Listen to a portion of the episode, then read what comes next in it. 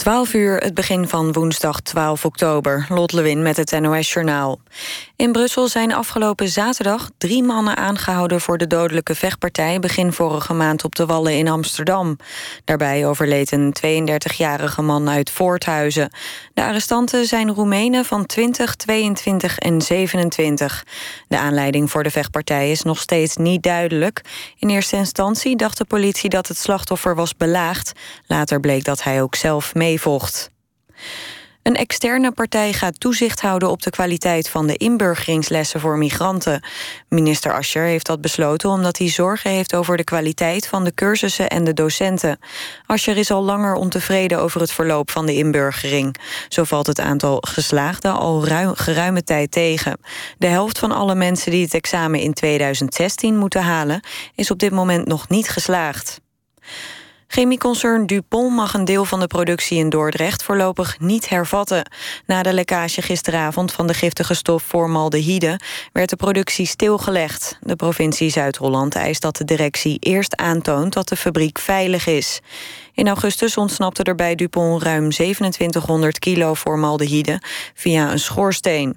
Volgens het bedrijf is gisteravond meer dan een minder dan een kilo van de giftige stof vrijgekomen en was er geen gevaar voor de werknemers of de omgeving. In Os is de politie op zoek naar een clown die met een mes en een hamer mensen de stuipen op het lijf zou jagen. Eerder werden in Almere ook al clowns met een mes gezien. De politie in Os neemt de zaak zeer serieus, zo staat in een open brief aan de persoon die de clown speelt. Het fenomeen horrorclown is waarschijnlijk overgewaaid uit de VS. In 2014 dook er ook een enge clown op in Eindhoven en Breda. En dan het weer. In de loop van de nacht neemt de bewolking toe, vooral in het oosten en zuiden. De minima liggen tussen de 5 en 9 graden. Morgen af en toe zon, maar in het zuidoosten blijft het bewolkt en is er kans op een bui. Met 10 tot 12 graden blijft het fris. Dit was het NOS Journaal. NPO Radio 1. VPRO. Nooit meer slapen.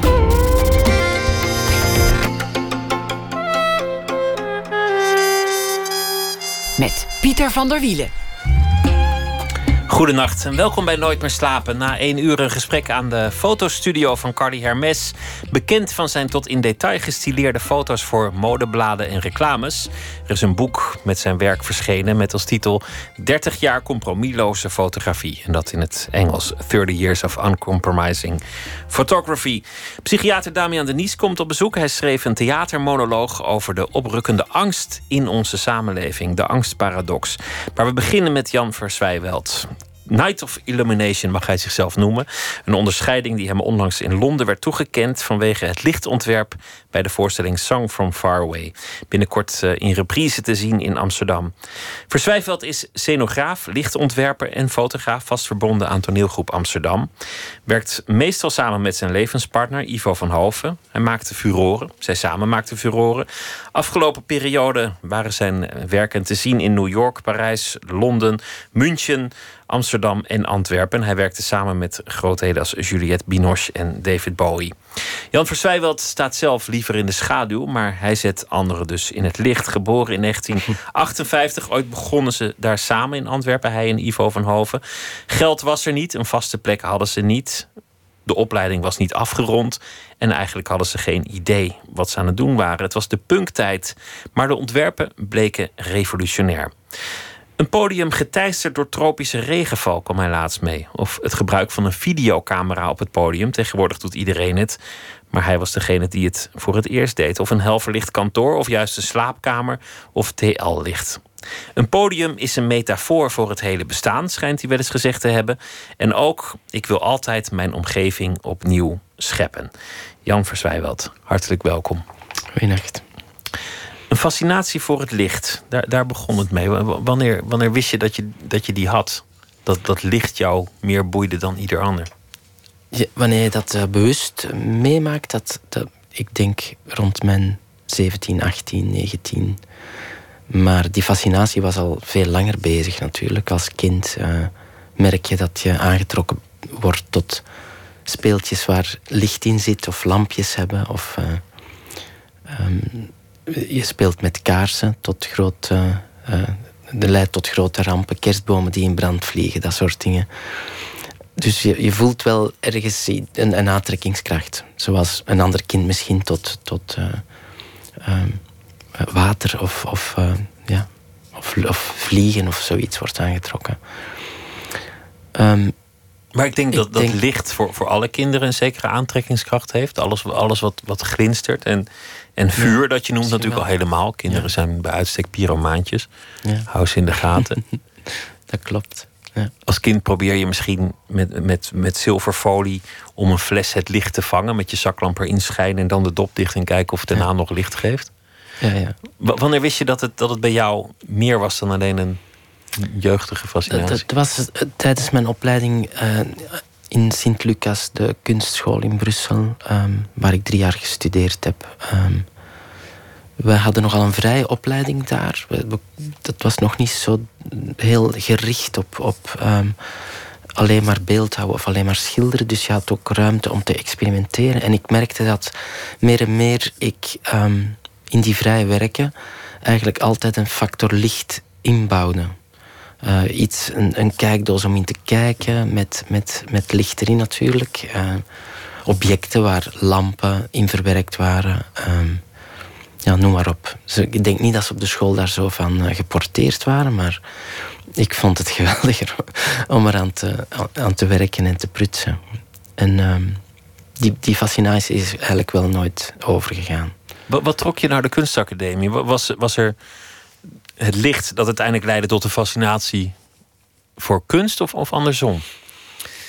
Dat, dat denk ik niet. Dat heb ik gaandeweg denk ik zo ervaren. Um, mijn aantrek... Ik, ik was altijd wel al een tekenaar. En aan, ik was altijd dingen met mijn handen aan het creëren, aan het maken.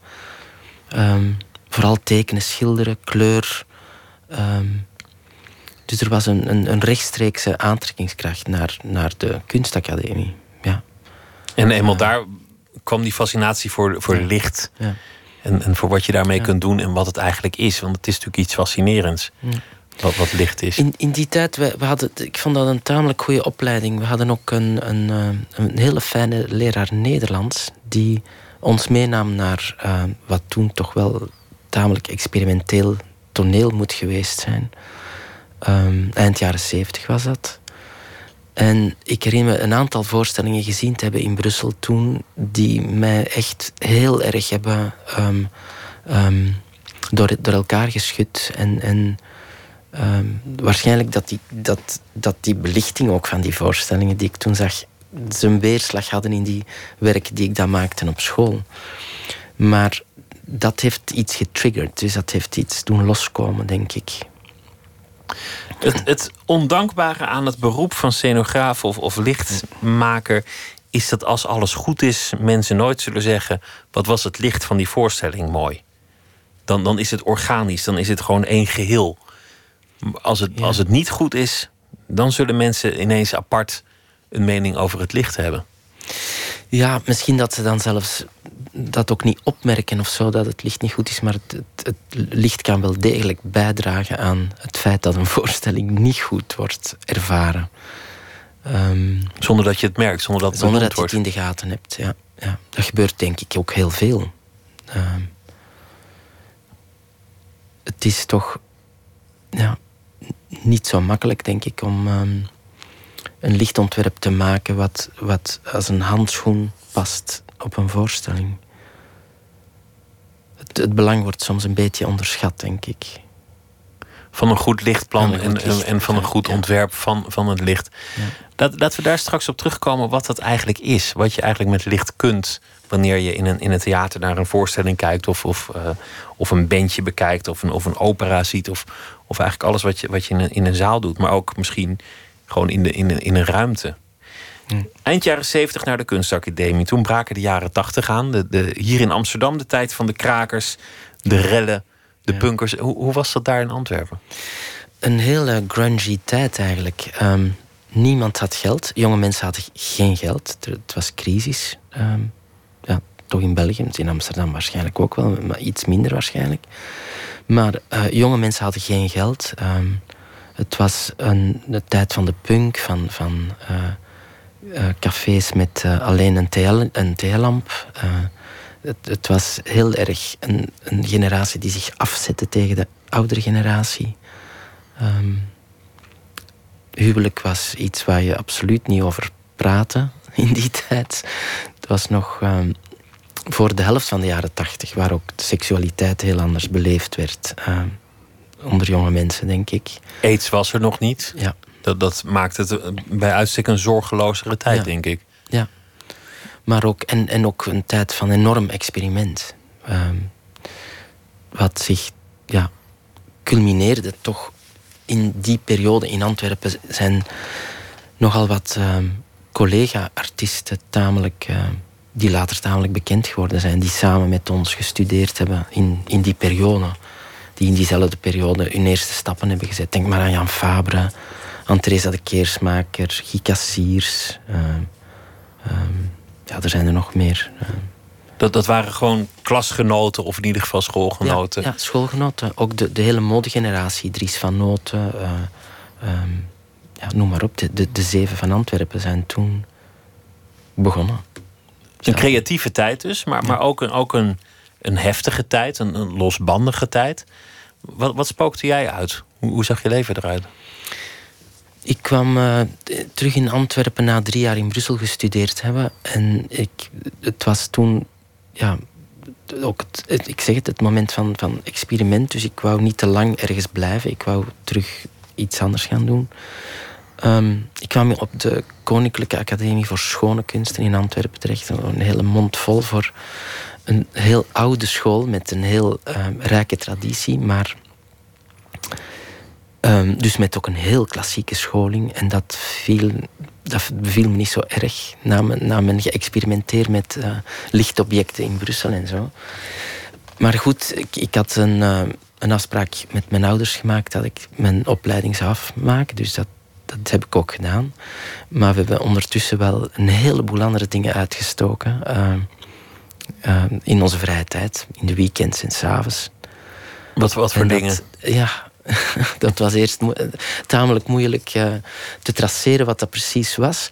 Het, je zou kunnen zeggen dat het uh, happenings waren voor, voor medestudenten. Um, gewoon iets wat je naar kwam kijken. Um, licht had daar al, al, een heel belangrijke, speelde daar een bepaalde uh, belangrijke rol in. Ook objecten die, die medestudenten van, van de beeldhouwklas gemaakt hadden. Um, dus we probeerden ons een beetje iets zinvols te doen met wat we leerden op school, wat we niet zo zinvol vonden. Hoe ging dat dan, ja. zo'n happening? Dan, dan nodigde je mensen uit om ergens naartoe te komen en dan. Ja, je, je, je, ging er affiches plakken in de stad en dat, dat eindigde meestal natuurlijk in een feest. Uh, dus het, het, het, ja, een beetje het, het, um, het vrije, um, alternatieve um, kunstenaars-studentenleven, denk ik. Wat we op die manier een beetje vorm probeerde te geven. En op wat voor locaties konden jullie dan terecht? Of waren er ook kraakpanden die jullie tot je beschikking hadden? Ja, in, ja kraakpanden, ja. Er was heel veel leegstand en heel veel verval. Ook de, de, de oude haven van Antwerpen, die nu heel hip is en, en, en helemaal um, geconverteerd wordt in, in, in um, nieuwe woonwijken. En er wordt ontzettend veel gebouwd. Maar toen in die tijd stonden er heel veel loodsen leeg bijvoorbeeld uh, de loods waar de bananenboten uit uh, Uruguay binnenkwamen. Daar hebben we ook nog een, eh, een geweldige voorstelling gemaakt. Uh, in de bananenloods? In de bananenloods, Montevideo heette dat. Um, maar goed, toen, ja... dat, dat wisselde ook de academie zelf, stelde soms ruimtes ter beschikking waar we mochten uh, onze gangen gaan. Het hield het midden, zei, je zou het een, een, een, happening kunnen noemen. Net noemde je het toch een voorstelling. Een performance zou misschien een woord kunnen zijn. Hadden jullie zelf enig idee wat, wat het was? Nee, dat kwam pas op het moment um, ik, dat ik Ivo leerde kennen.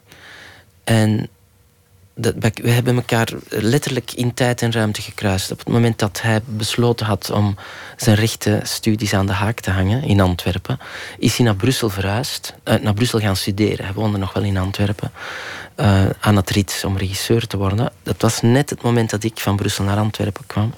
Maar toen hebben we in dat moment elkaar ontmoet. En um, dat was tamelijk, tamelijk heftig. Die eerste weken, maanden. Eerst als geliefden? Ja. Jullie ja. werden, werden verliefd? Inderdaad, ja. En dat was een, dat was een heel heftige ontmoeting, wat ik al zei. Um, zodanig toch wel dat, dat we op een bepaald moment besloten van oké, nu gaan we met die heftigheid van onze relatie iets moeten doen. Want anders dan branden we op en dan, dan, dan houdt het op. Dus het is ofwel stoppen we nu en dan gaan we elk onze eigen weg, of we gaan iets samen maken. Of er was, was zoveel energie die vrijkwam in, in die chemie tussen jullie. Dat moest gekanaliseerd worden. Er moest iets mee gebeuren. Anders zou de boel gewoon opblazen. Inderdaad. Ja. Want, want wat was er dan aan de hand? Hadden jullie permanent ruzie? Of konden jullie niet van elkaar afblijven? Wat, wat gebeurde er? Oh, dat is, uh, ja, uh, onder andere. Ja. Dat, dat, was, dat, dat ging Alles. alle kanten uit. Ja. Dat was een beetje onhandelbaar. Dus er was, was niet echt met te leven of zo. Ja. Het wonderlijk is het dat jullie altijd samen zijn blijven werken. Jullie, jullie hebben wel projecten los van elkaar, maar in essentie zijn jullie, zijn jullie bijna een duo, professioneel. Ja, dat klopt. Ja. Was het meteen duidelijk dat die samenwerking iets zou opleveren, dat dat, dat klikte? Nu, het, het was met Kijk, wat we gedaan hebben. Um, als voorbereiding op iets wat we gingen maken, zijn we, geloof ik, 17 tot 20 dagen naar New York gegaan. Begin jaren 80 ook nog een uh, tamelijk ruwe, uh, ruwe bolster. Um, zonder geld. Dus heel goedkoop, in, in ellendige omstandigheden gelogeerd, maar heel gelukkig en, en, en ja, heel blij dat we, dat we die indrukken konden uh, opdoen. En daar hebben we eigenlijk onze inspiratie gehaald om onze eerste, ja, wat je dan zou kunnen zeggen, voorstelling. Ja, dat was een voorstelling eigenlijk. Die hebben we daar gehaald. En meteen daarna zijn we beginnen werken aan die voorstelling. Het was een voorstelling met dertig acteurs. Allemaal mensen, ook van Studio Herman Teiling, van de acteursopleidingen. Mensen van de academie die mee wilden doen als acteur. Um, en uh, Ivo schreef een tekst die gebaseerd was op wat er op dat moment met zijn broer gebeurde. Um, hij heeft een één jaar jonger broer die ook in Antwerpen studeerde. Ik weet niet meer welke studies. Ik denk, ja, um, licentiaat Germaanse wetenschappen of zoiets. En um, die broer van hem die, die, die, die is in, in een psychose geraakt, in een moeilijke situatie geraakt. En eigenlijk het begin van een, van een niet meer op te lossen uh, situatie. En, en, en, ja. Heel moeilijk, ook voor Ivo, om dat toen te verwerken. En heeft daar toen een, een, een, een tekst over geschreven, die we gebruikt hebben in die, in die eerste voorstelling.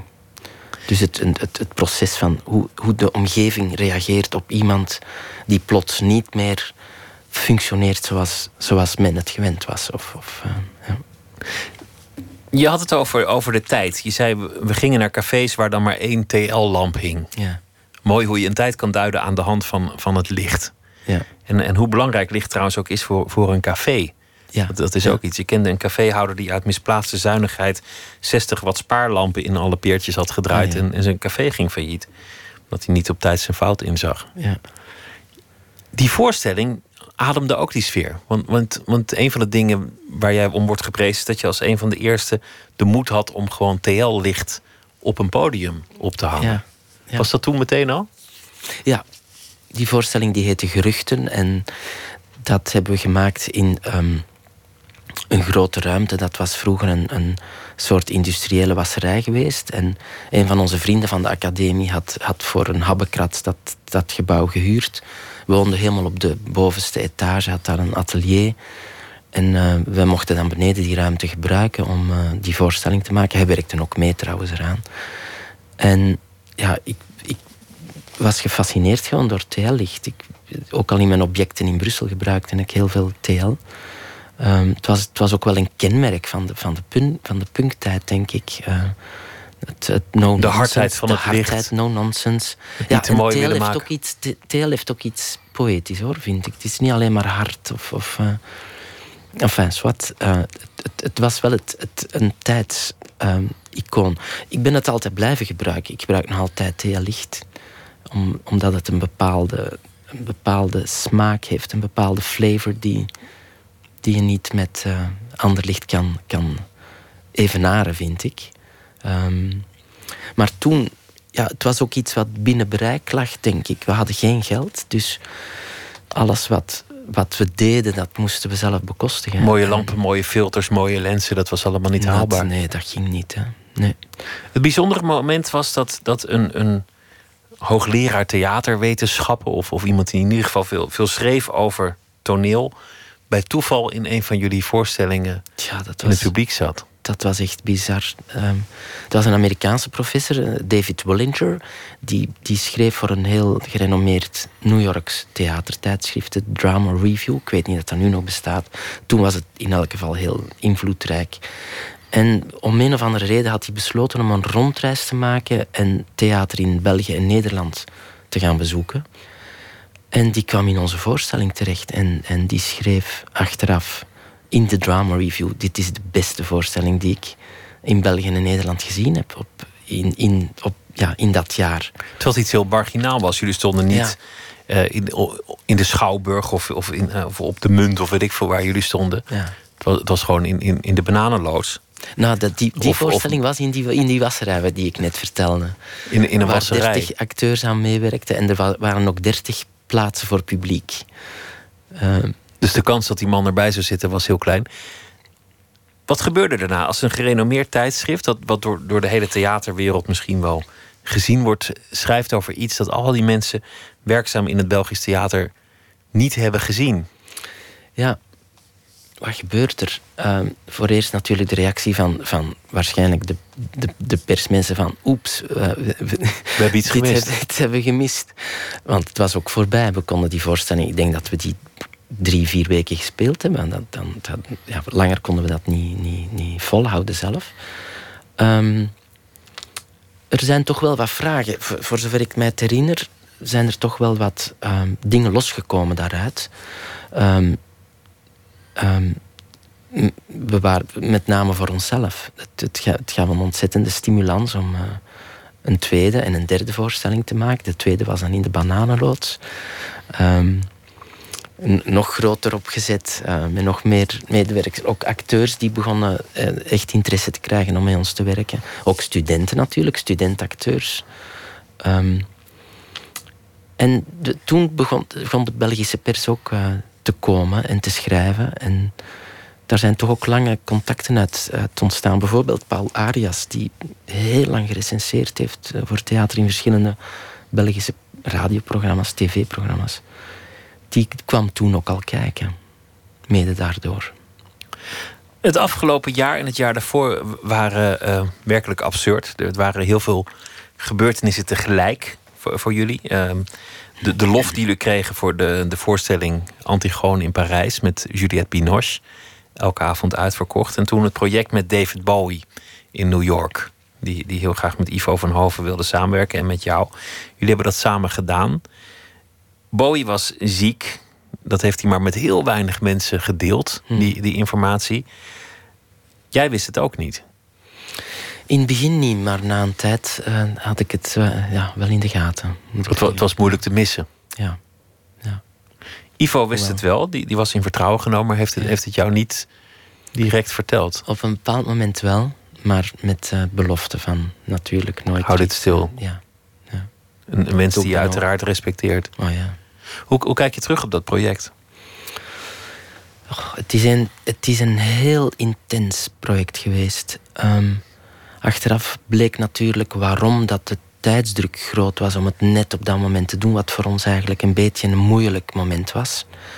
Um, uh, A View from the Bridge, wat we in Londen gemaakt hadden, wat in Londen naar West End verhuisd was, was op uitnodiging van, van een Amerikaanse producer um, naar New York uitgenodigd. Dat zou in première gaan um, rond 27 oktober of zoiets. Of iets vroeger, zijn zo rond die datum. En we hadden net een, een groot project uh, afgerond met Toneelgroep Amsterdam. Um, en dit, dit, dit is er echt tussen geprankt geweest. op, echt op verzoek van, van, van, van Bowie, omdat het ja, dringend bleek te zijn. Hij had gewoon dus niet lang meer. Nee. En ehm, dus het, het, was, eh, die voorbereidingen die zijn enorm intens geweest, omdat het korte voorbereidingstijd was.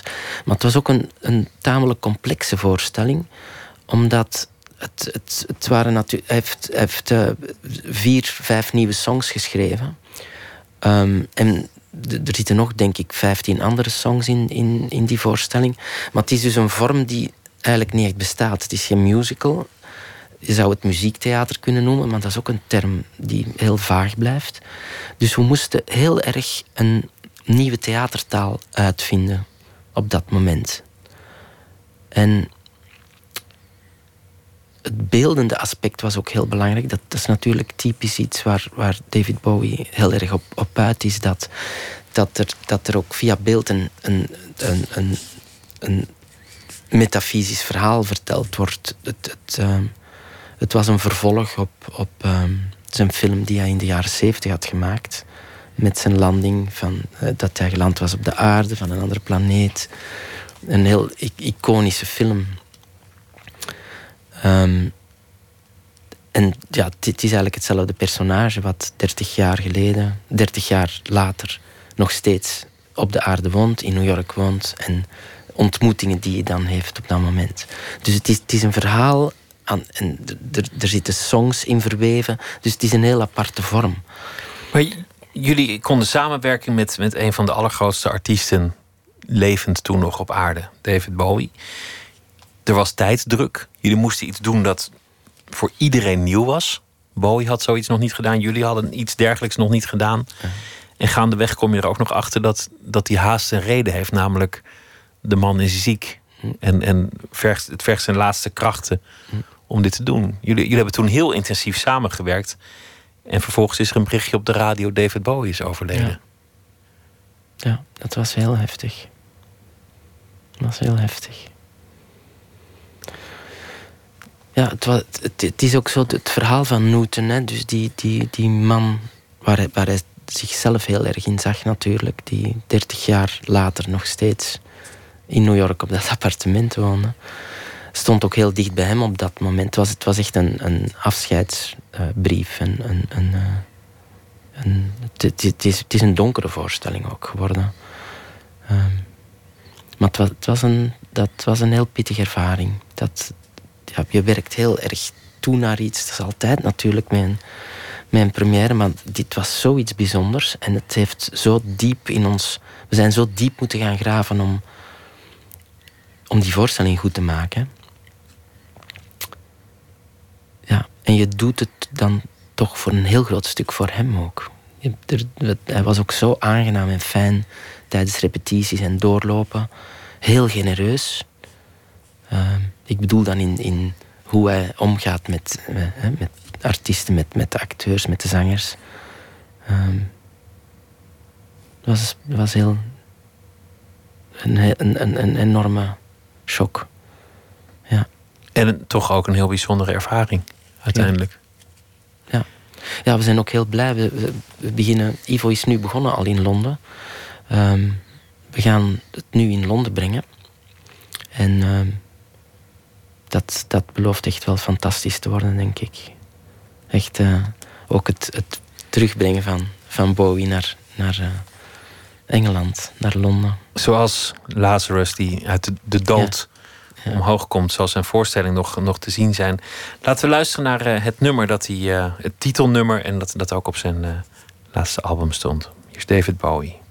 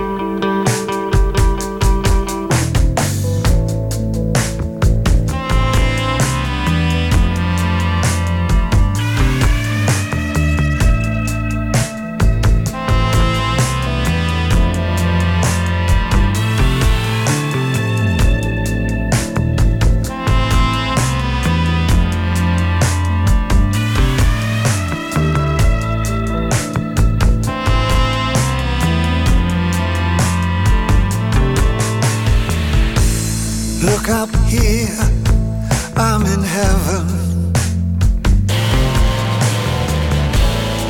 I've got scars that can't be seen. I've got drama, can't be stolen. Everybody knows me now.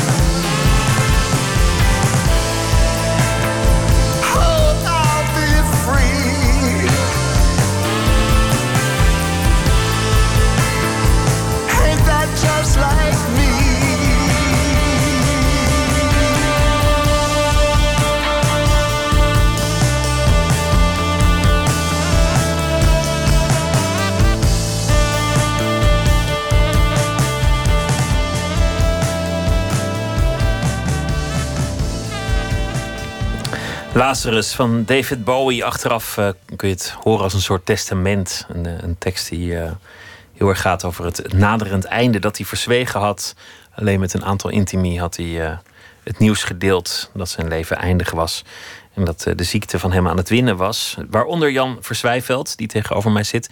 Die samen met Ivo van Hoven werkte aan de laatste voorstelling die Bowie nog zou maken in New York. Was dat? Ivo van Hoven en Jan Verswijveld zijn eh, partners in het leven, maar ook eh, een duo wanneer het gaat om werk, waarbij Verswijveld uh, het licht en de ansenering doet. Je zei, we moesten iets doen dat eigenlijk nog niet gedaan was. Niet een musical, niet een toneelvoorstelling, iets tussenin, iets, iets nieuws. Hoe heb je dat met het licht opgelost, met, met de ansenering? Waar, waar ben je op uitgekomen?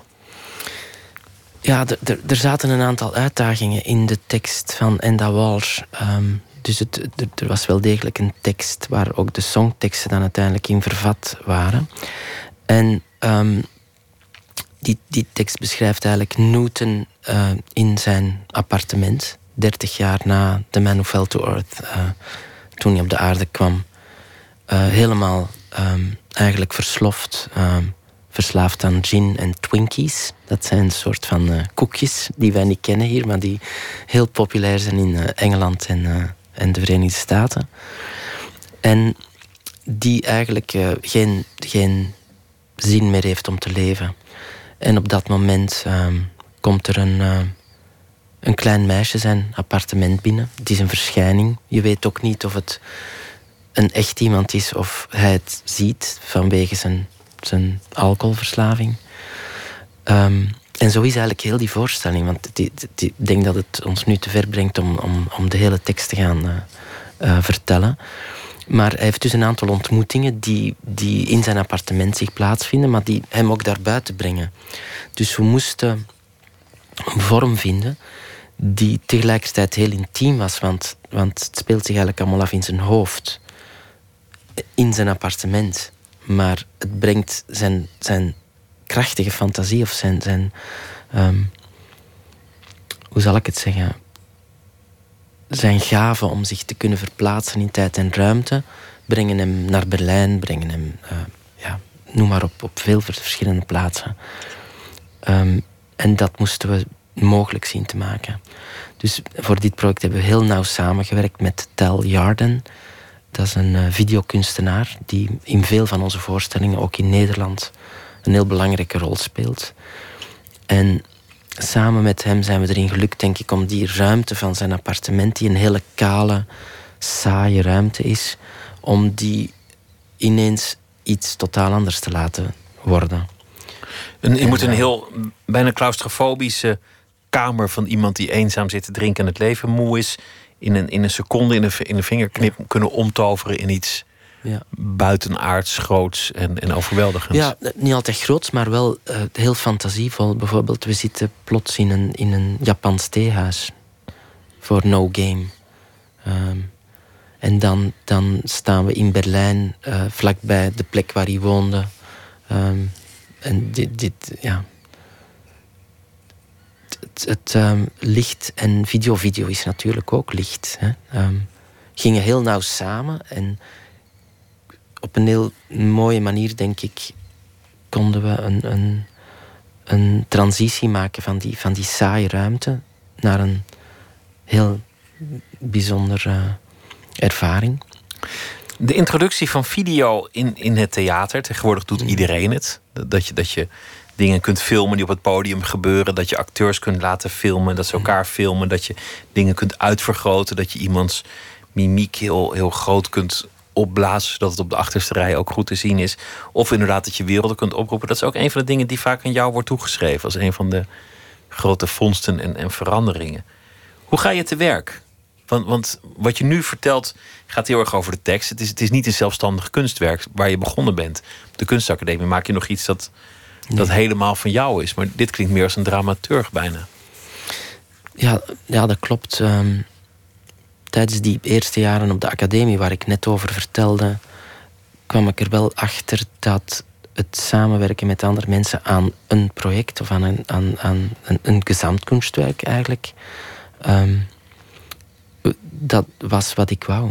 Dus het, het, was heel duidelijk toen ik afstudeerde dat ik uh, verder wou gaan in theater maken. En um, de, de communicatie denk ik, was daar een belangrijk aspect in. Ik vond het heel moeilijk om alleen te zijn in een atelier. Uh, hoewel ik enorm veel respect heb voor mensen die dat wel kunnen. Um, maar je wil het samen met het, anderen Ik vond het heel prettig om, om die dingen nu net te delen en samen vleugels te krijgen en iets te maken wat mezelf ver zou overstijgen. En dat was, um, denk ik, die eerste theater-experimenten uh, die we gemaakt hebben.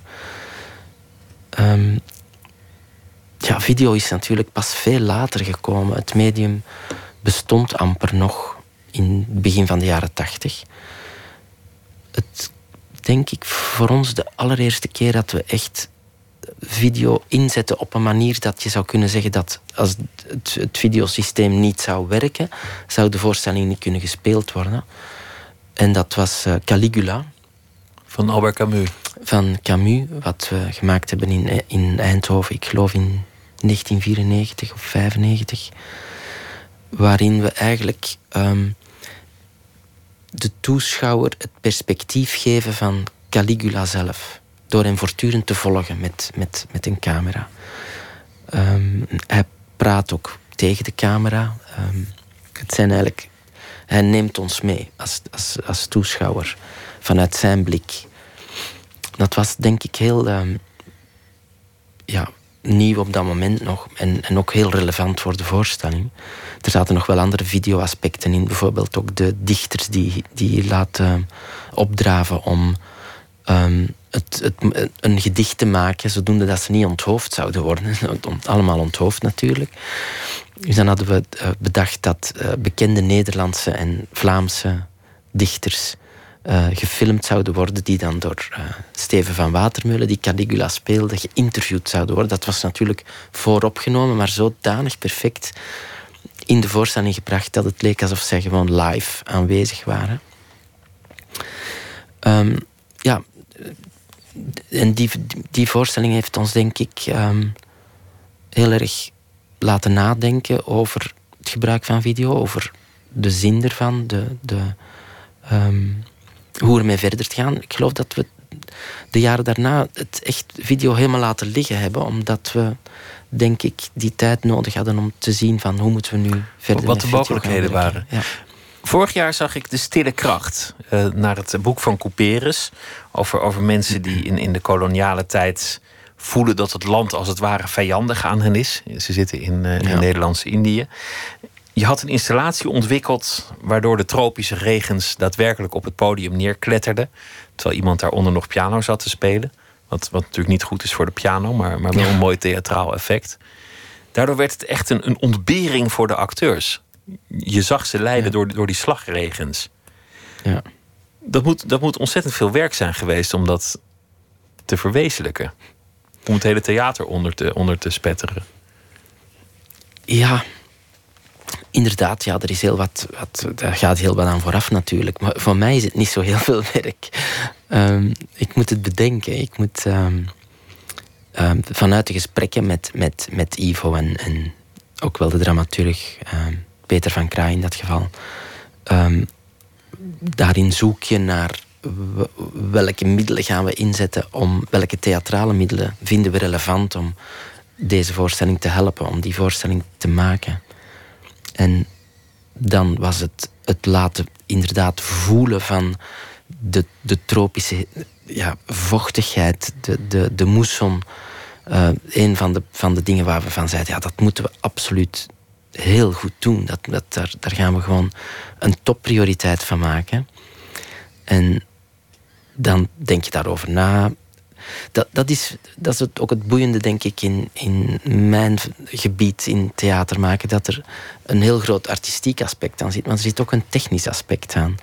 Waar ik ook wel van hou. Om dan te gaan bedenken, hoe moeten we dit gaan doen? Hoe moeten we dit realiseren? Hoe krijg je het voor elkaar? Hoe, hoe krijg je het binnen het budget? Dat is natuurlijk ook altijd een, een vraag.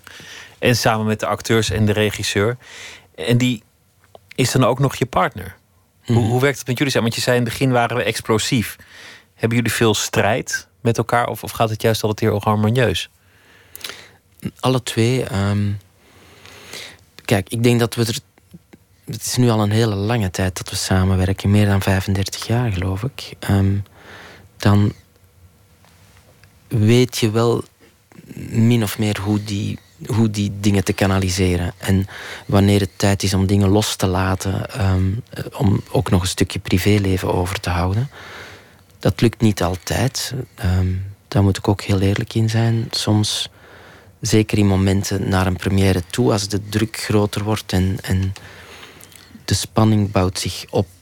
Uh, in, wordt het goed, moeten we nog dingen veranderen. die fase van twijfel, als die toeslaat, ja, dan dan kunnen we het soms niet loslaten en dan nemen we het echt mee naar huis, als het ware.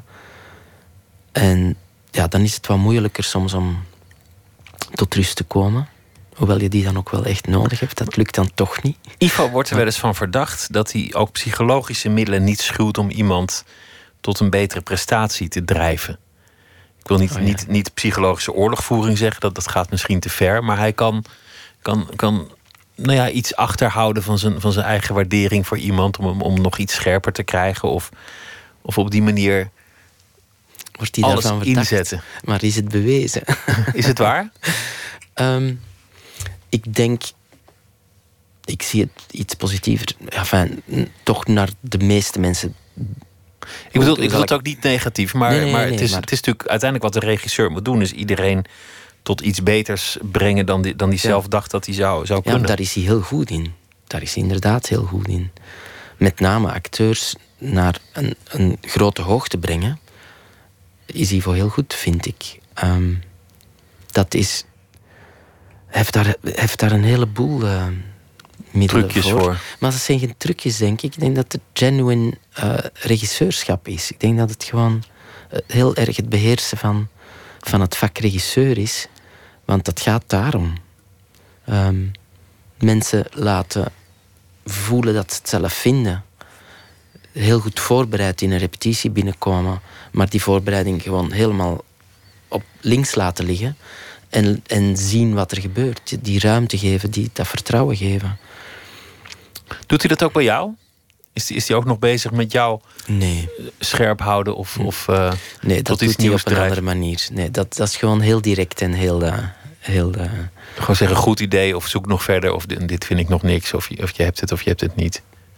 Ja, de- de- kijk, als het goed is, dan moeten we het niet te veel, eh, niet te veel zeggen. Als het, het is vooral als het niet goed is, dat er, dat er eh, moet gewerkt worden, dat moet gezegd worden. Soms wel eens lastig, maar ja. Dus het leidt toch tot goede resultaten, denk ik. Je bent inmiddels ook de, de huisfotograaf al, al een tijdje van, van de eh, toneelgroep Amsterdam. Fotografie is natuurlijk ook licht. Alle- Alles draait uiteindelijk om, om licht. Je zei video is natuurlijk ook licht, fotografie ook. Dat heeft zelfs geleid tot een, tot een tentoonstelling in het Fotomuseum. Zo onder de indruk waren ze van, van jouw werk en jouw, jouw foto's. Wat voor functie had het aanvankelijk voor jou dat je dat je, je camera mee ging nemen?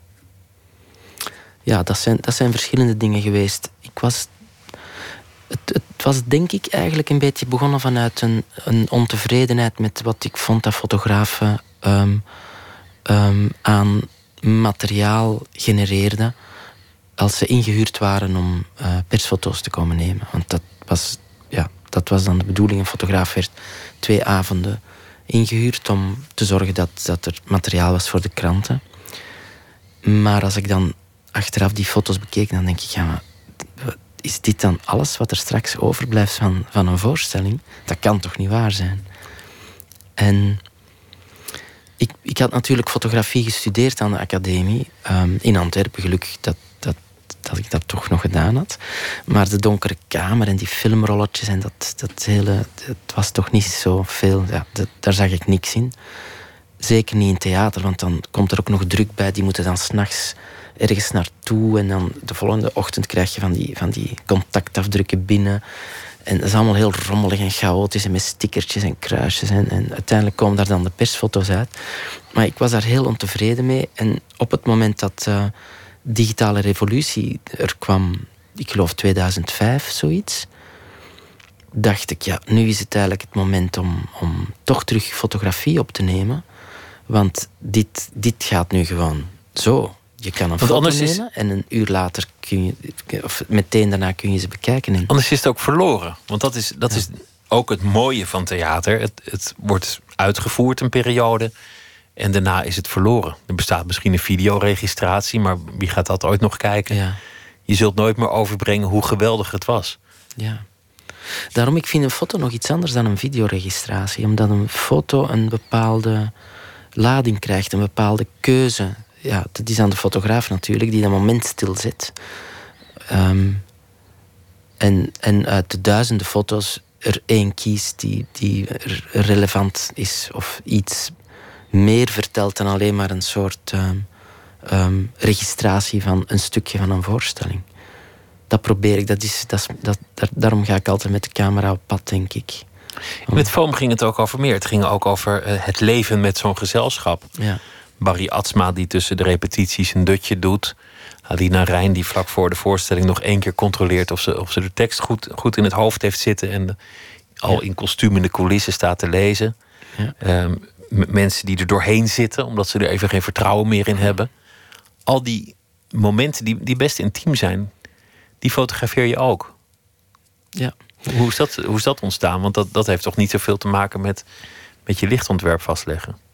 Nee, wel, wel de nieuwsgierigheid ehm, van hoe acteurs omgaan met de theatrale ruimte die ik ontwerp. De, het is niet alleen zo dat, dat, dat ik de camera gebruik om beelden te genereren of om, verslag te doen van, van, van een voorstelling, maar het heeft mij ook veel dichter bij de acteurs gebracht.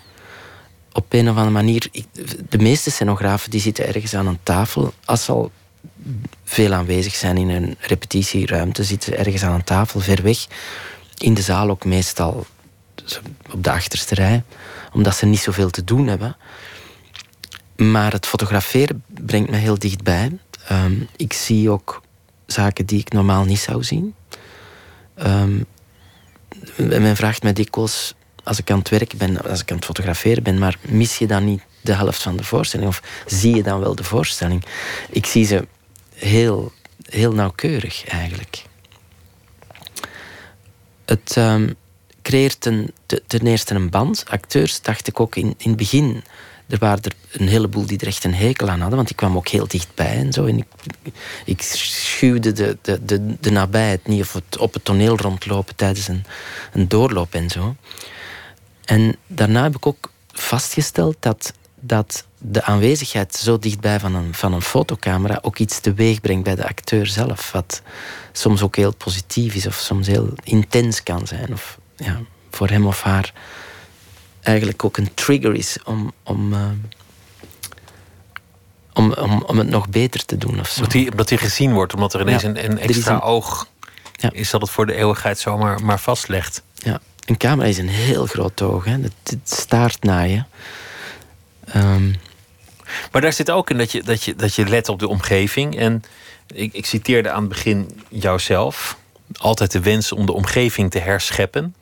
Is dat iets dat zich ook buiten de, de, buiten het toneel manifesteert. Want, want op het toneel creëer je een hele wereld. Ja. Door licht en, en scenografie. Is dat, is dat een ambitie die je ook daarbuiten zou hebben? Op straat, in, in het café? In de... Ja. Altijd. Dat heb ik heel... Ja, ja. wat, je, wat ik doe in, in theater, op, op het toneel, is iets wat, wat er altijd is scheppen van ruimte of het creëren van ruimte. Als ik op het Leidseplein kom en, en ik, ik, ik zie die totale chaos die daar altijd heerst, ja, ik, zou, ik zou heel graag uh, mee in het team zitten om het Leidseplein. Uh, een lichtplan te geven. Niet alleen een lichtplan, maar ook mee te denken aan, aan, aan hoe kan dit beter geregeld worden. Um, ja, ik denk dat je mensen met, met licht in een blijere stemming kunt krijgen. En ook nog de, de juiste weg als natuurlijk kunt laten afleggen. zonder dat ze doorhebben dat ze door het licht zijn gestuurd. Dat zou goed kunnen, ja. Ja, dat zal wel.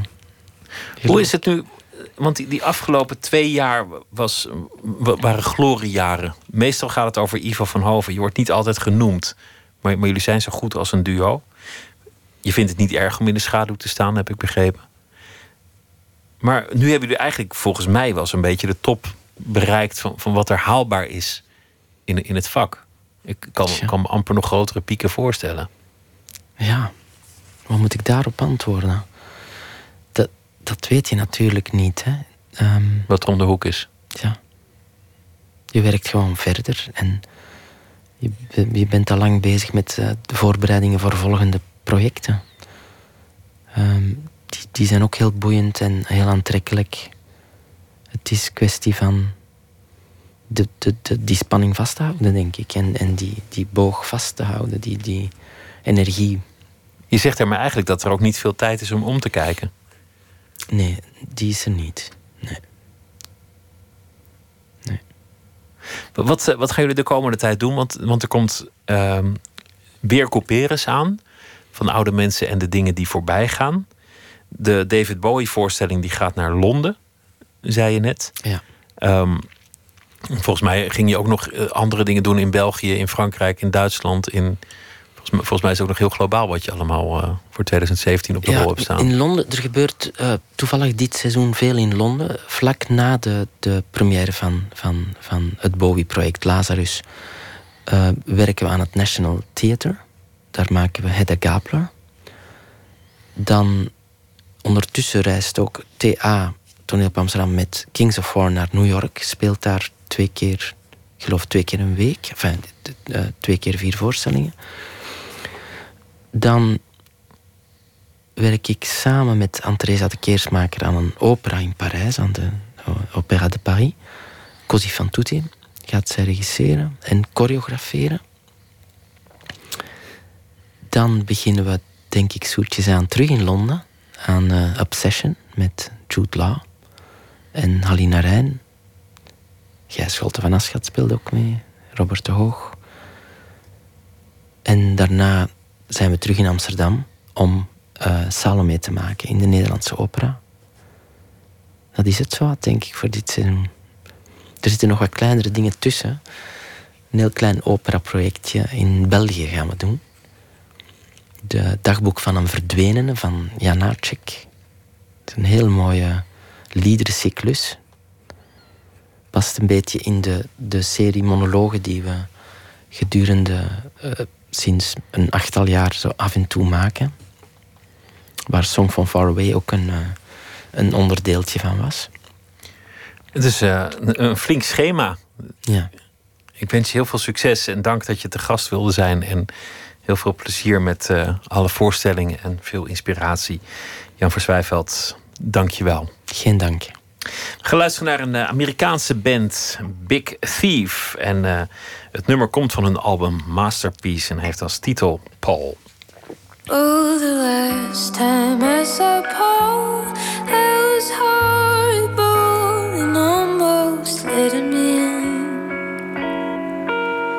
But I stopped and caught the wall, and my mouth got dry, so all I did was take him for a spin.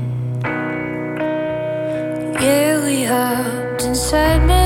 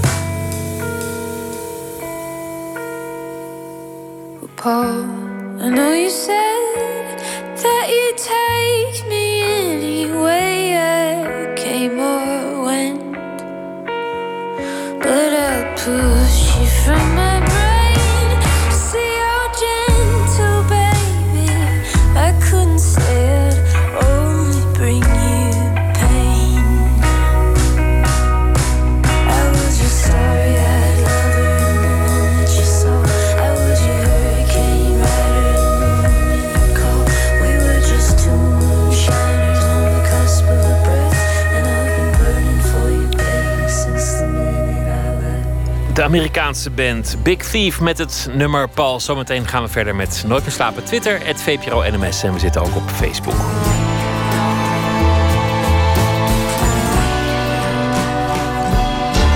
Op Radio 1. Het nieuws van alle kanten.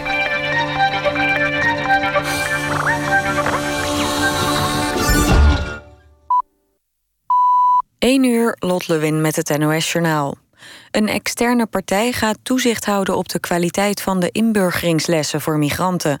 Minister Ascher heeft dat besloten omdat hij zorgen heeft over de kwaliteit van de cursussen en de docenten. Ascher is al langer ontevreden over het verloop van de inburgering van migranten.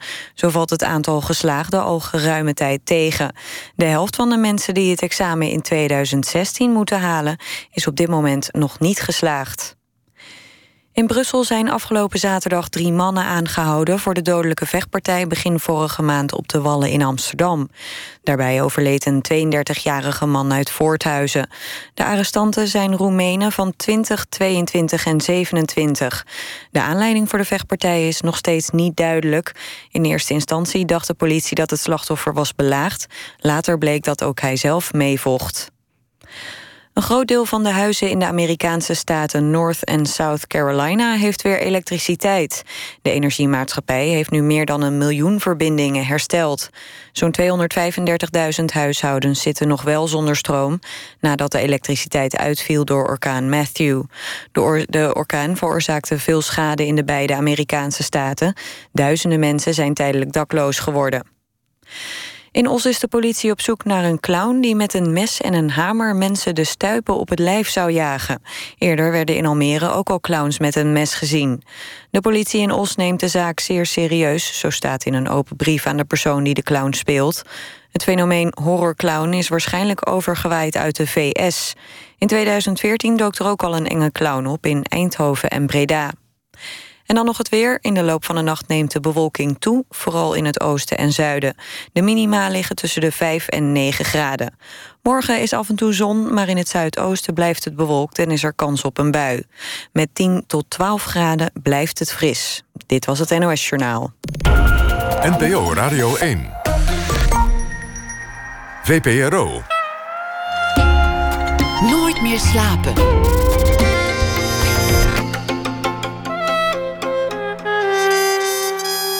Met Pieter van der Wielen. Fotograaf Carly Hermes staat bekend om zijn gestileerde beelden voor glamourbladen en commercials. Er is een boek, Three Decades of Uncompromising Photography. Een eh, selectie van zijn foto's. Zometeen een verslag vanuit de fotostudio van Carly Hermes.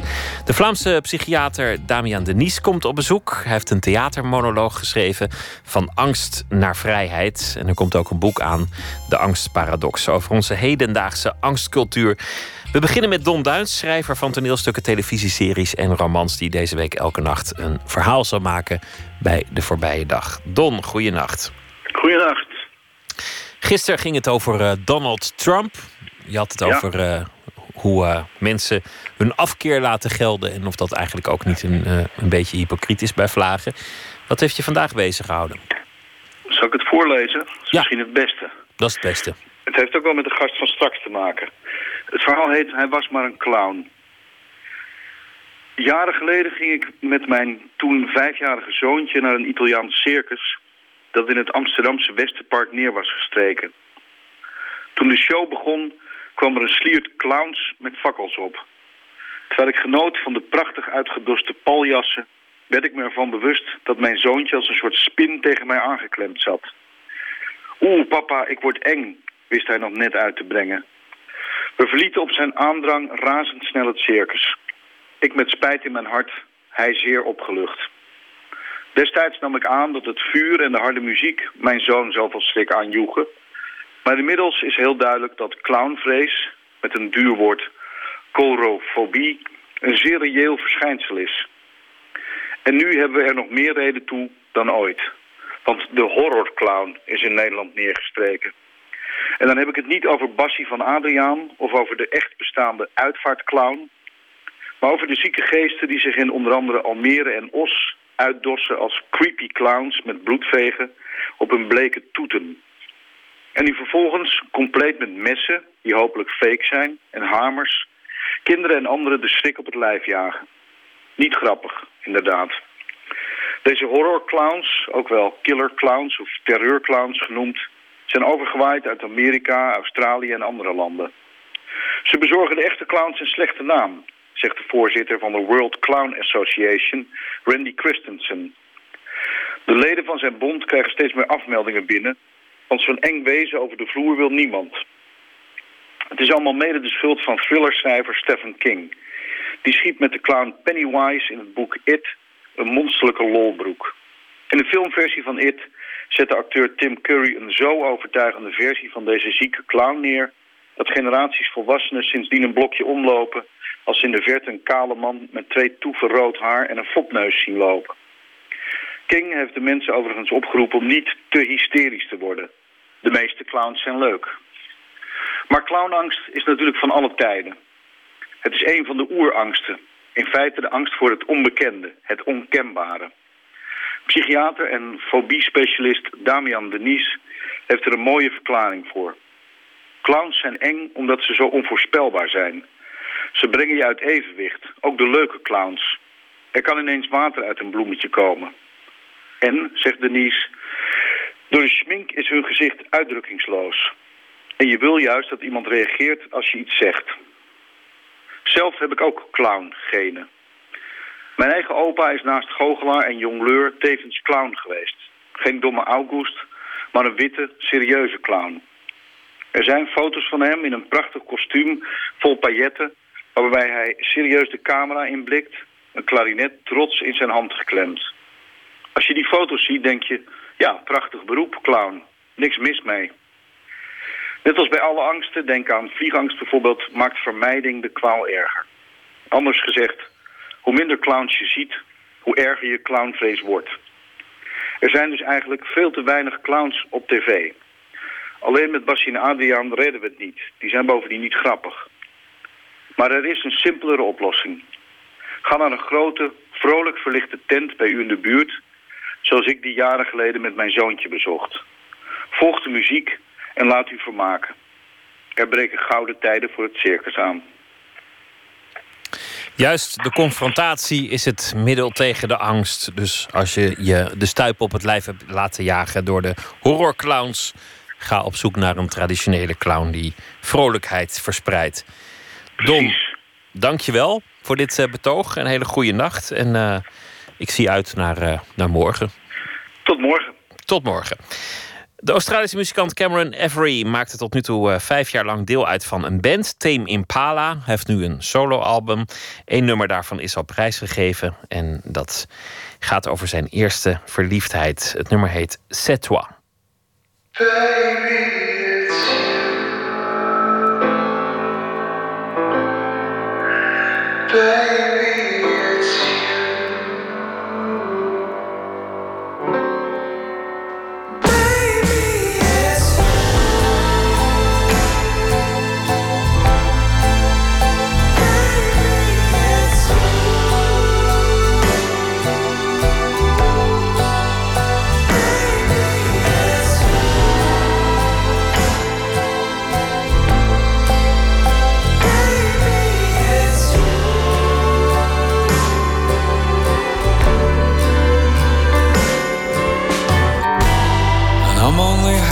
Good as the sum of my mistakes.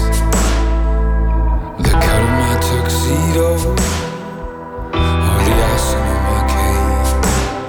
Now I'll hang up my shocking shoes on the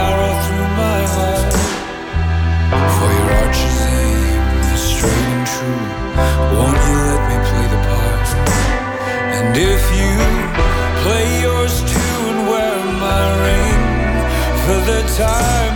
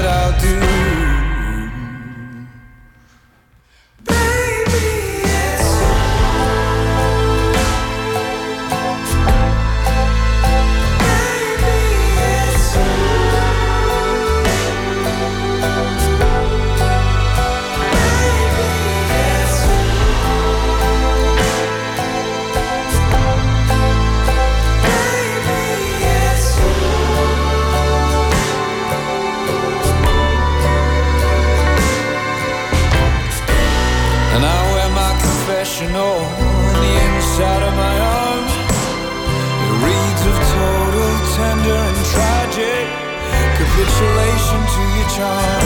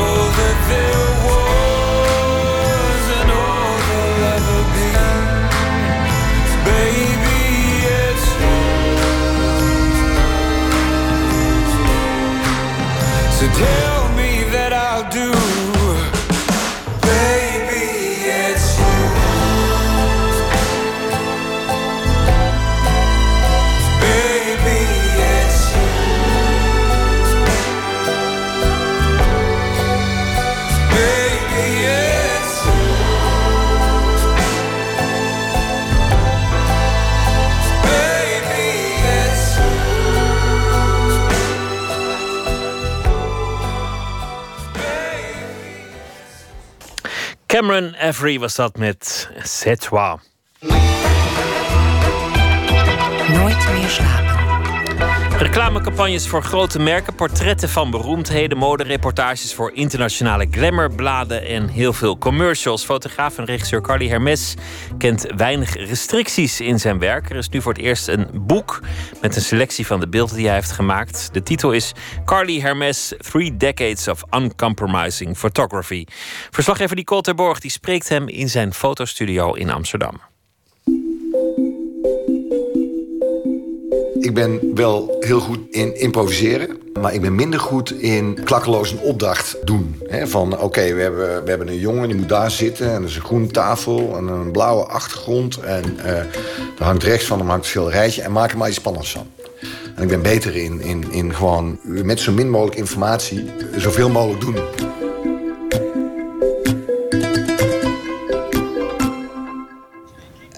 Nee, ik heb geen mailtje gezien nog. Nee. Carly zit op een zwarte tafel in zijn fotostudio. Hij belt. Nee, dat klopt. Maar het gaat even over dat beeld eh, voor die Jord-collectie. Ik ben benieuwd waar dit over gaat. Ik hoor de naam Jort, dus waarschijnlijk heeft het te maken met zijn werk voor het kledingmerk Suit Supply. Want daar heeft presentator Jort Kelder een eigen kledinglijn. Eh, dat, eh, ik, ik heb net even Fok aan de telefoon gehad. Die wil toch heel graag even zien hoe het is als hij zijn been op een steen heeft.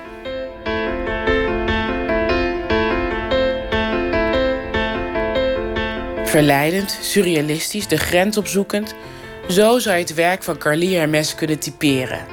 Water, vuur, woestijnlandschappen en strakke interieurs vormen vaak een decor. Hij maakt foto's voor internationale bladen als Elle Vogue... is verantwoordelijk voor reclamecampagnes van bijvoorbeeld Suit Supply...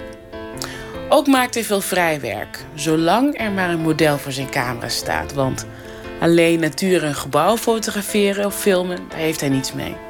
En een voorwaarde om goed te kunnen werken is volgens Carly vrijheid. Ik kom wel eens binnen hier in de studio dat ik denk van... goh, wat zou ik vandaag eens weer gaan doen? Met een groepje mensen. Nou, en dan, eh, weet je, soms... eh, eh, ja, dan zie je echt, weet je nog niet wat je gaat doen? Hè? Dat hoor je dan, hè? Weet je echt nog niet wat je gaat doen? Nou, eigenlijk niet. Maar begin maar vast met make-up en wat heb je bij? De stylist en dit en dat. Oh ja, laten we dit gaan doen. Laten we, weet je, dan, dat, dus dat groeit heel langzaam. Ik vind dat heel prettig. Want ik hoef ook niks. Ik bedoel, als het niet lukt op een dag, is, is het ook goed. Hè? Dat gebeurt ook wel. Ik bedoel, ik doe, ik doe best vaak vrij werken. En waar ik van denk van, nou, vandaag gooi het even allemaal weg in de prullenbak, want het ziet er niet uit. Ik denk dat iedereen die, die creëert, die vrijheid zichzelf moet, eh, moet nemen. Want als je dat niet doet, dan denk ik nooit dat je creatief kunt zijn of zo. Je, moet op je bek durven gaan. Je moet eh, denken van, eh, weet je, het lukt voor vandaag niet. Pech. Dus je hebt ook fotografen die van tevoren echt een concept moeten hebben. Dit moet zus zijn, dit moet zo zijn. En jij totaal niet. Nee. Nee, ik totaal niet. Ik heb geen concept eh, in principe van tevoren nodig. Wel, wel ingrediënten hè, om ergens toe, toe te komen. Maar een concept echt niet. Nee. nee.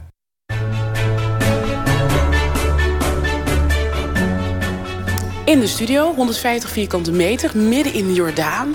Eh er hangt een kroonluchter. Ik zie daar van die turnringen hangen.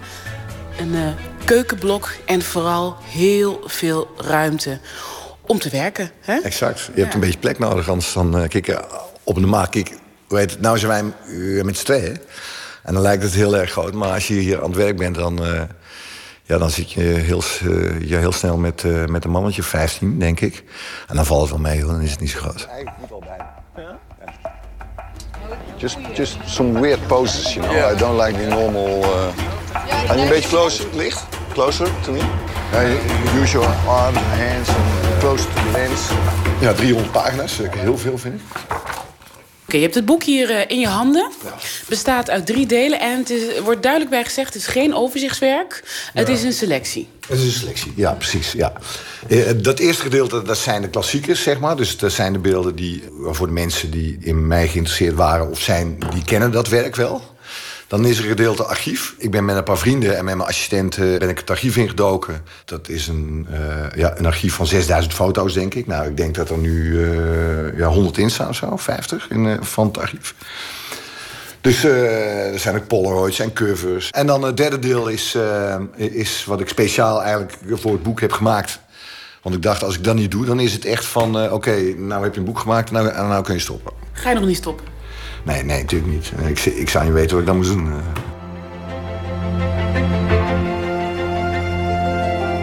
De Polaroids geven het gevoel alsof je mag neuzen in de oude lades en dozen van de fotograaf. Het nieuwwerk laat zien wat de rode draad is in zijn 30-jarige carrière. Naakt. Dat is wel een rode draad, denk ik. Ik vind hoe minder eh je kleding op een, op een foto staat, hoe, hoe minder je het kunt plaatsen in een bepaalde tijd. En ik vind, dat, ik vind het fijn. Ik vind het fijner dan, dan dat je zegt van, oh ja, dat is echt de jaren 70 eh, of echt jaren 80. Of, ja, dat vind ik altijd jammer. Dan denk van, nou, waarom? Ik maak liever iets wat, ze, wat over 100 jaar nog steeds eh, onduidelijk is, of eh, ja, wanneer het gemaakt is of zo. En naakt, ja, weet je, een mens verandert niet. Dat, wel, wel een trend, wat mooi en wat lelijk is misschien. Maar een mens zelf niet. Ik zie wel dat je ook speelt met eh, materialen ervoor, met schaduw en projecties, Ja. met stoffen ervoor. Ik wilde hier wat schilderachtige dingen doen. eh, Wat, wat als, alsof het met een kwast heel snel ja, gedaan is. En dat, ja, dat is dan met tulle of zo. Dat is met stof waar je doorheen kijkt. eh, andere keren weer op een andere manier. En, het is altijd iets anders. Ja, dat is bladenformaat. Dat is gewoon, dat, dat, dat moet naar Lia toe. Ja, A3 denk ik. Het is een hele dunne scheidingslijn hè, tussen zeg maar artistiek, kunstzinnig of vulgair, ordinair. En jij weet precies waar die scheidingslijn zit. Hoe weet je dat? Eh, nou, weet je, naakt is een heel gevoelig ding. Ik bedoel, je moet daar heel voorzichtig gewoon mee zijn. En eh, ik denk dat het helpt eh, op, op het moment dat ik eh, ja, naakt ga fotograferen... dan eh, is er voor mij een hele andere spanning... dan dat je normaal hebt als je, als je, als je naakte mensen ziet of zo. Of, of als je, er is een heel andere spanning. Ik wil gewoon iets moois maken van datgene. En verder is er niks. En ik denk dat die uitstraling al heel erg helpt. Hè, in- het niet ja, laten zijn. Want je, want je laat jezelf daardoor dus niet leiden. Want dat, je voelt daar niks mee. Je, je hebt er geen seksuele spanningen. En dat zie ik wel eens terug in andere naakten. Ik denk van, nou, ik, er was gewoon een spanning, eh, weet je, een seksuele spanning tussen, tussen de fotograaf en degene die aan het is. En dat is bij mij totaal niet. Ik denk dat dat helpt. En eh, ook wel omdat ik absoluut niet van ordinaire foto's hou. Ja, precies. Pak er maar een van die uit die serie. Ja. Ik zorg wel dat het bij hem komt. Oké? Alright. You. Jij eh, hing, net, eh, je hing net op, hè? Ja. Je had iemand aan de telefoon. Waar, waar ging dat over? Nou, dat ging over een foto die ik gemaakt heb van Jort Kelder. En die staat met zijn been op een koe. En met skis in zijn handen van eh, het gaat niet sneeuwen en ik snap niet waar het ligt. Die foto moet ook gelanceerd worden in Amerika. Want daar zit ook dat soesfly. En daar zijn ze nogal bang dat de dieren... ja, de dierenpartijen of weet ik veel wat weer heel erg moeilijk doen. Dus eh, of, ik, of ik hem dan alsjeblieft niet op de koe wil zetten. Dus ik moet nu een andere foto maken, in in principe. Echt, ik kan er niet meer tegen. Ik vind het echt zo bizar allemaal. Ik denk van ja, weet je, je maakt altijd wel iets... waar mensen iets van vinden. Een aantal reclamecampagnes die hij heeft gemaakt voor dit mannenmodeketen leiden in binnen- en buitenland tot kritiek dat de beelden seksistisch zijn. De fotograaf vindt het jammer dat sommige mensen hem vooral daarvan kennen. Het, eh, ja, vroeg iemand me van... eh, ja, jij doet altijd eh, met seks en vrouwen in die campagnes. En ik zei, nou... Ik, zeg, ik heb eh, 24 campagnes gemaakt voor het merk. Waarvan er vier met vrouwen en die andere 20 niet. Ik zeg, maar dat blijft bij de mensen bij. Want eh, het gaat om mannenmode en waar moet er dan per se een vrouw bij? Terwijl ik denk, van, ja, er zitten ja, ik denk altijd wel vrouwen bij. En eh, als ik het doe, ja, dan is het net even wat anders. Dan heeft die vrouw waarschijnlijk iets minder eh jakkleren aan dan eh, bij andere merken of zo. Even een half uurtje? Ja, moet dan even.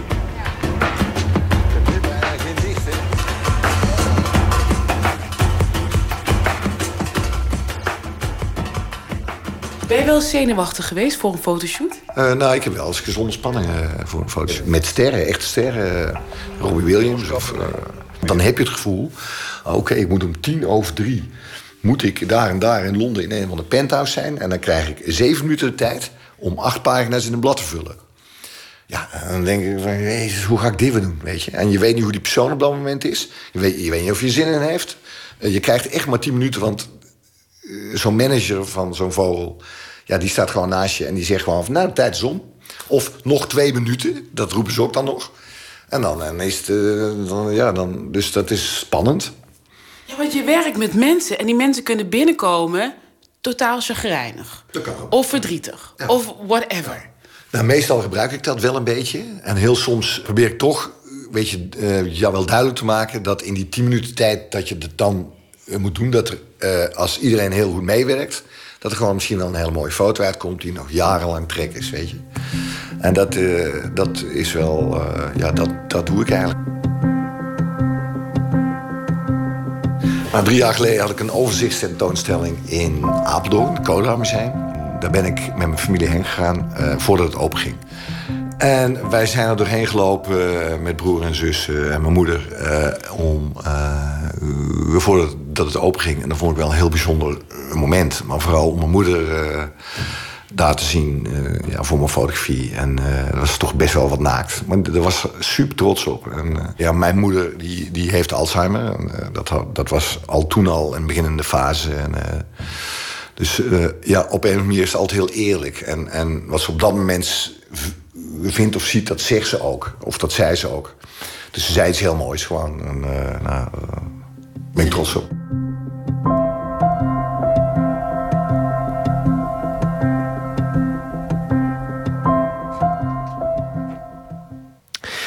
Behalve een nieuw fotoboek is er ook eh, recent werk te zien in Rademakersgalerie in Amsterdam van Carly Hermes. Een bijdrage van Nicole Terborg was dat. Chris Staples was een van de bandleden van Father John Misty. Tot hij als timmerman, wat zijn eh, belangrijkste inkomstenbron was in die tijd, een klus had in het huis van de eigenaar van de platenmaatschappij Barsuk Records. En zo kwam dus eh, zijn eigen album tot stand. Golden Age is daarvan de titel.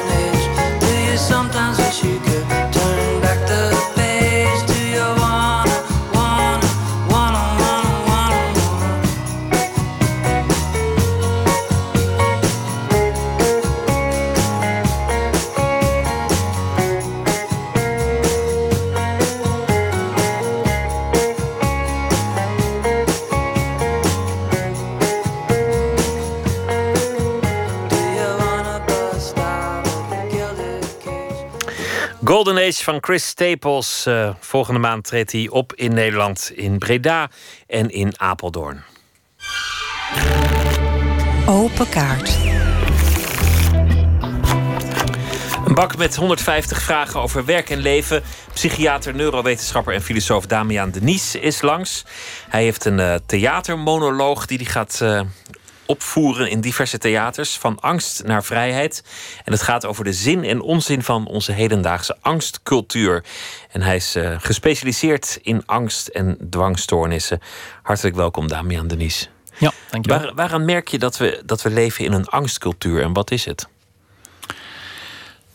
Wel, ik merk het aan, aan het feit dat wij ehm, heel veel neutrale dingen benaderen met een eh, perspectief van angst. Niet met bewondering of verwondering of nieuwsgierigheid. Maar als er iets nieuws op ons afkomt, dan is het eerste perspectief van: is het wel veilig genoeg? Ehm, en dat kan van hele kleine dingen tot hele grote dingen gaan. Maar bijvoorbeeld het Burkini-verhaal. Bijvoorbeeld de ontzetting dat iemand op het strand ligt in een Burkini. Is, vind ik ook wel een klein signaal van zo'n angstcultuur. is misschien wat ver gezocht, maar het laat zien dat wij enorm gehecht zijn aan onze vanzelfsprekendheden. Namelijk dat je half naakt op het strand ligt. En als dat in vraag wordt gesteld, dan reageren wij redelijk emotioneel. Eigenlijk ontzet. Uh, vinden wij het heel bizar dat, dat er ook andere manieren, andere keuzes zijn. En zo gaan wij heel veel kleine dingen in onze samenleving vanuit het uh, perspectief van angst beschouwen. Wanneer wordt angst uh, voer voor de psychiater? Wanneer wordt het een aandoening?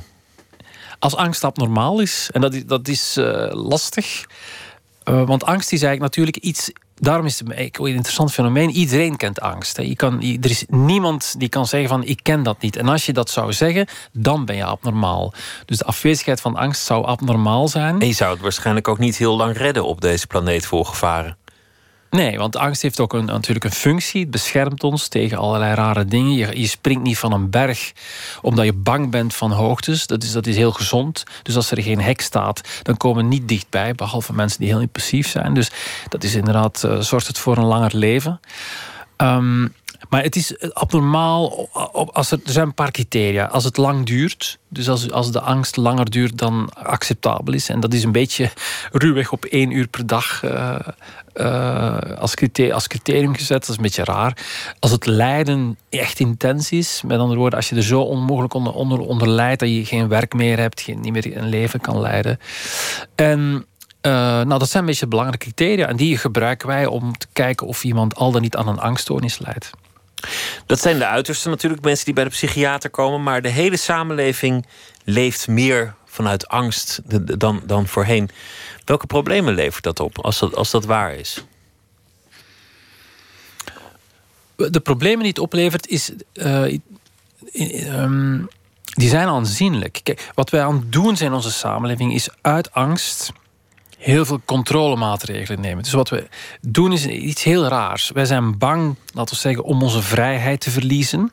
Dat is de reden waarom we ook bang zijn voor terroristische aanslagen. Van oei, wat stel als die en die komen, dan kunnen we sterven. Maar zullen ook allerlei maatregelen worden genomen uh, die niet ten gunste komen van ons vrije leven. Dus wij zijn daar bang voor. En we gaan dan zelf commissies controlemechanismen in het leven roepen die onze eigen vrijheid beperken. Dus in een angstcultuur leven is schadelijk omdat wij heimelijk, stiekem eigenlijk, onze vrije overgave aan de dingen, onze spontaniteit inruilen voor waakzaamheid, achterdocht, controle. En daar is onze samenleving de laatste decennia heel goed in gebleken tegen misdaad, tegen terrorisme, verkeersveiligheid, gewone huistuin- en keukenveiligheid, het uh, beschermen tegen ziekte, tegen ongeluk, tegen ontslag, tegen financiële uh, ongenoegens. Alles wordt ingeperkt, waardoor uiteindelijk het leven niet ten volle geleefd wordt. Ja, inderdaad. Dus angst leidt ertoe dat wij heel veel aspecten die aantrekkelijk in het leven zouden zijn vermijden. En dat we enorm controlebehoeftig zijn geworden. En het nadeel van controle is dat het enorm verslavend is. Ik zeg altijd, ja, controle is eigenlijk verslavender dan alcohol of suiker of weet ik wat. Eenmaal dat je de illusie hebt dat er controle is over het leven, wil je dat alleen maar versterken. En we zijn er enorm gewoon aan geraakt. Wij kunnen met onze mobieltjes perfect voorspellen wanneer het regent. Wij kunnen perfect nagaan wanneer dit of dat gebeurt. We zijn eindeloos verzekerd in Nederland voor allerlei dingen. Niemand gaat op reis nog zonder verzekering voor de bagage, voor het vliegtuig, voor het hotel enzovoort. Dus we weten alles. We weten zelfs in welk restaurant we zullen eten, welke maten, welke gerechten. Dus die, die controle is zo ver gedrongen dat mensen zich niet realiseren dat ze niet meer open kunnen staan voor nieuwe dingen in de wereld. Dat zou ook vergen dat, dat iemand zou zeggen wanneer het een keer misgaat. Nou ja, dat hoort erbij. Mensen knallen tegen bomen. We hoeven geen maatregelen te nemen. Hij reed hard op zijn motorfiets Ja. en, en, en er lag wat eh, lage bladeren. Het was Ja. immers herfst. Inderdaad. ik- Tragisch, maar waar. Ja, ik vind dat, we- dat we iets meer dat standpunt zouden moeten innemen. Tragisch, maar waar.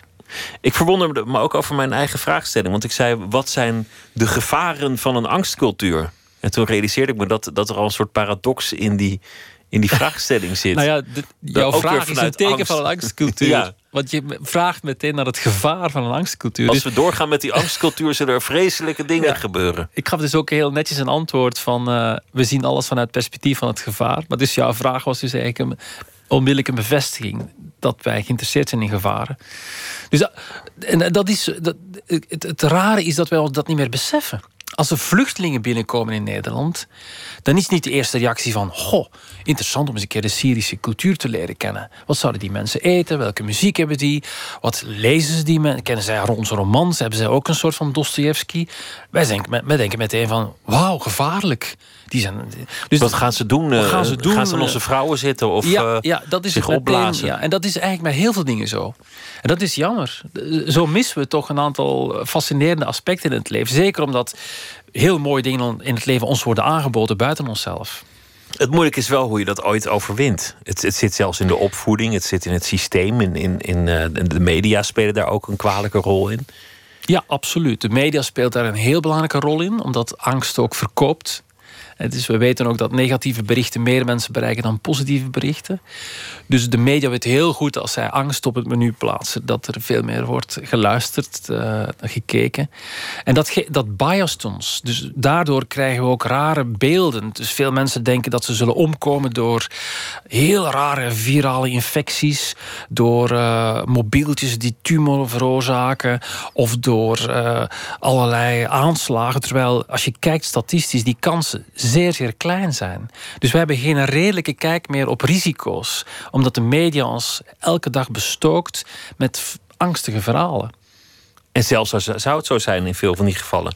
Als je, als je prachtig leeft en, en dan uiteindelijk noodlottig om, je, om het leven komt. Nou ja, je kunt ook je ja, hele leven binnen blijven en honderd Ja, worden. precies. Ja, kijk, het leven wordt het meest intens beleefd, vind ik, in het aanzicht van de dood. Dus eh, dat, dat lijkt ook een beetje paradoxaal, maar de, de diepte, de diepgang in je leven kan je pas echt goed ervaren als je durft de dood in ogen kijken.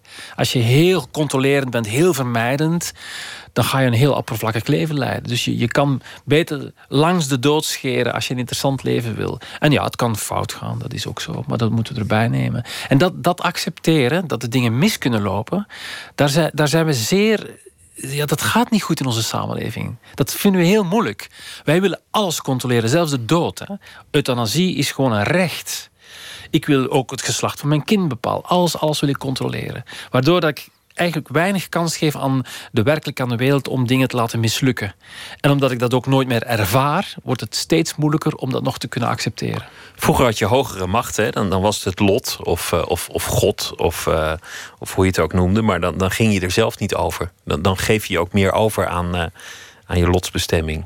Tegenwoordig, nu alles rationeel verklaarbaar is, krijg je dat ook, denk ik. Ja, dat is inderdaad zo. Het is rationeel verklaarbaar, maar ook maakbaar. Dus wij, wij kunnen niet meer eh, accepteren dat iets buiten ons eh, zijn eigen gang gaat. Wij vinden dat alles pragmatisch oplosbaar moet zijn. En als je ook bijvoorbeeld onze premier hoort, dan zegt hij: Ja, ik word niet betaald om mij zorgen te maken.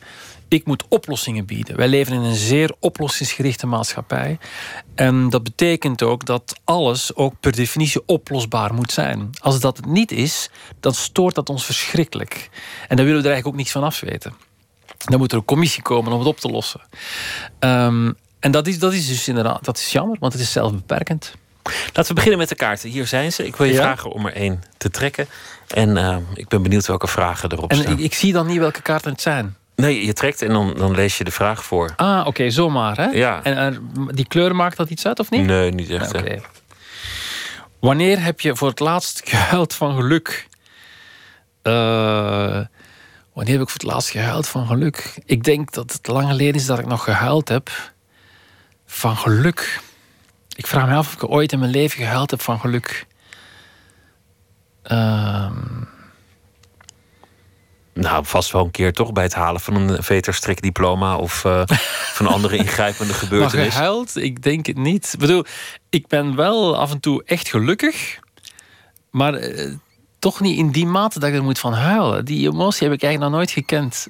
Eh, merk ik tot mijn ontzetting nu. Misschien is dat ook nog een diepte die ik niet ervaren heb.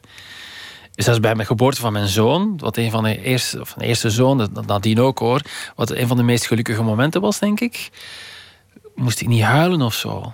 Ja, spijt me. Nee, geeft niet. Ieder, ieder op zijn manier. Ja. Trek nog een kaart. Moet je je die wil. terug instoppen Ja. of niet? Oké, laat zien dat ik niet dezelfde pak. Ja, of geef maar, die, die leg ik hier En neer. dat- die kan ik ook nemen dan. Ja. Welke beslissing zou je het liefst terugdraaien? Ja, dat is een mooie.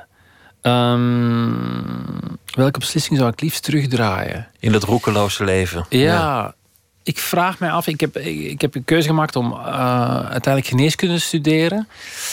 Eh, dat is ook wel voor mij persoonlijk wel wat ingegeven, denk ik, door angst. Misschien als ik echt gewild had dat ik iets, iets, iets anders had willen kiezen. Eh, in, eh, filmregisseur of eh, journalistiek. Ik heb dat uiteindelijk niet gedaan omdat ik de periode dat ik studeerde was ook heel onzeker. En dat was iets van, oké, daar was de familie blij mee. Daar kon ik ook wel, daar kon ik mee wegkomen. En dat is, het is een zekere keuze geweest. Maar er zit meer creativiteit die je, die je op andere manieren Ja, wil uiten. Dat denk ik wel. Ja. Maar geneeskunde is toch prachtig? Je maakt mensen beter. Dat, dat, dat, is toch een van de mooiste dingen die je kunt doen in het leven. Ja, absoluut. Geneeskunde is, is een prachtig vak. Maar ik vind wel dat, dat we de laatste tijd wel veel moeten inboeten. Dus ik, ik vind dat het achteruit gaat. Dat doet mij dan pijn. Ik bedoel, ik zou eerder huilen van ongeluk als ik dan zie hoe ons vakgebied hoe moeilijk het ons gemaakt wordt om daar nog kunnen te van genieten. En ik spreek ook veel collega's die daar echt heel veel problemen mee hebben. Moeilijk door verzekeringen, politici, Ja, eh Door politici, bewindslieden die beslissingen nemen die ingaan tegen de integriteit van het vak. Dus de, het echt genieten van de act van het geneeskundebedrijven, dat, dat moet eigenlijk in een redelijk zorgeloze context kunnen gebeuren. Net zoals een kunstenaar. Maar nu is alles ook zo gecontroleerd, de administratie, alles moet ehm, nagekeken, bewezen kunnen worden. En dat belemmert veel mensen in hun vak. En ik, ik, ik herken dat wel. Ik vind het heel droevig eigenlijk. En die protocollen zijn ook een gevolg van de angstcultuur. Absoluut, ja, ja. Alles moet kunnen bewezen worden in cijfers. En dat is jammer, omdat geneeskunde ook voor een groot stukje toch op vertrouwen gebaseerd is. En dat vertrouwen wordt steeds meer en meer uitgehold. Tussen patiënt en arts, tussen patiënt en ziekteverzekeraar. En dat, is, dat vind ik een heel jammerlijke tendens. Ja. Laten we nog een vraag eh, Ja. selecteren. Eens kijken, is je werk geslaagd als mensen het mooi vinden? Ja, absoluut. En dat vind ik een mooie vraag, omdat ehm, zeker het woordje mooi vind ik belangrijk. Dus ik vind de esthetiek een van de voor mij makkelijkste manieren om te beoordelen of iets aan, eh, aan de volmaaktheid voldoet. Dat heeft ook mij veel tijd gekost om dat te achterhalen. Maar dus het mooi vinden van een tekst of van een presentatie, of ook van een patiënt behandelen, dus de, de esthetische kracht die ervan uitgaat, dat is voor mij het belangrijkste. Het, het klinkt wat abstract, maar dat vind ik eh, voor mij een, belangrijk criterium om te beoordelen of mijn werk ook geslaagd is. Ik De kan elegantie. ja, ik kan heel lang aan iets werken. eh, maar zolang het niet mooi is, heb ik niet het gevoel dat ik geslaagd ben. Ik heb wel eens een wiskundige gesproken die, die in tranen was uitgebarsten bij het zien van een hele mooie formule.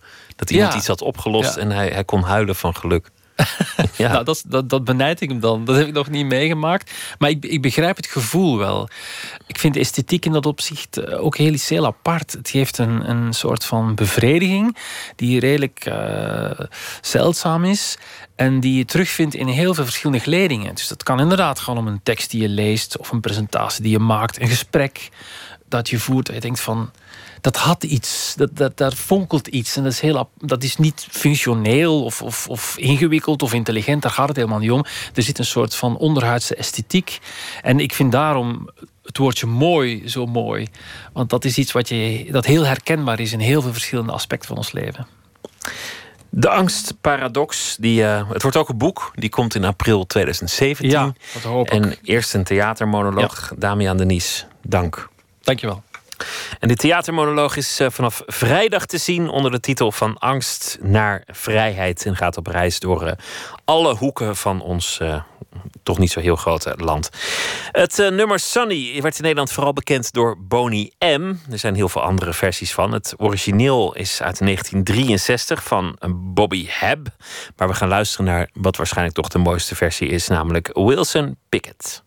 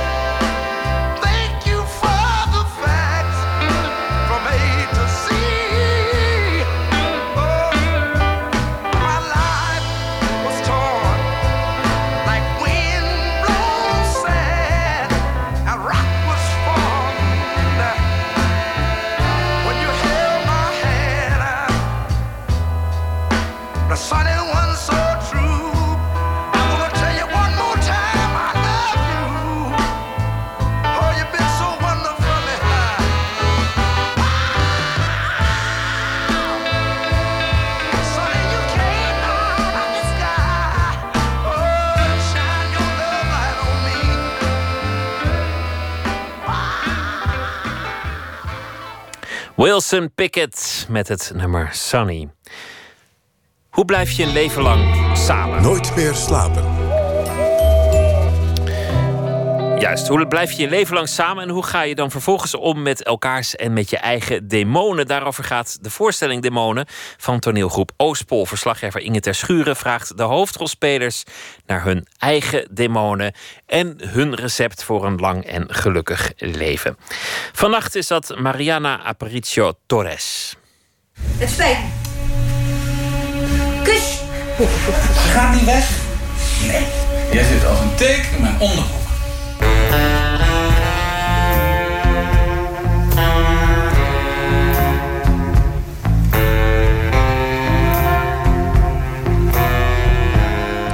Als je Mariana Aparicio Torres heet, een indringende blik en een grote bos zwart haar hebt, dan verwacht je een temperamentvol Latijns-Amerikaans karakter.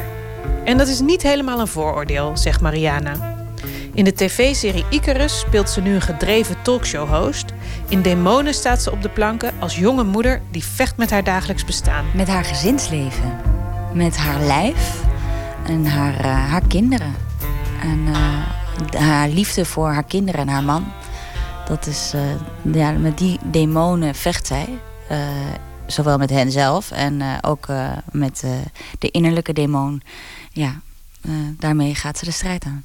Als we het goed doen, en eh, dat is onze insteek in elk geval, eh, ja, gaat het om wat jij wil. En dat je liefde verlangt en dat je aandacht wil voor jouw dingen. Maar dat ga je dan vervolgens niet even rustig zeggen of aankaarten. Maar dat ga je vervolgens op een hele, ja, soms gruwelijke manier ja, tot uiting brengen. En, en de demonen waar zij mee vecht, in hoeverre herken jij die? Eh, nou, ik eh, denk dat ik eh, vrij groot empathisch vermogen heb. Dus ik kan wel veel nou ja, begrip hebben of herkennen.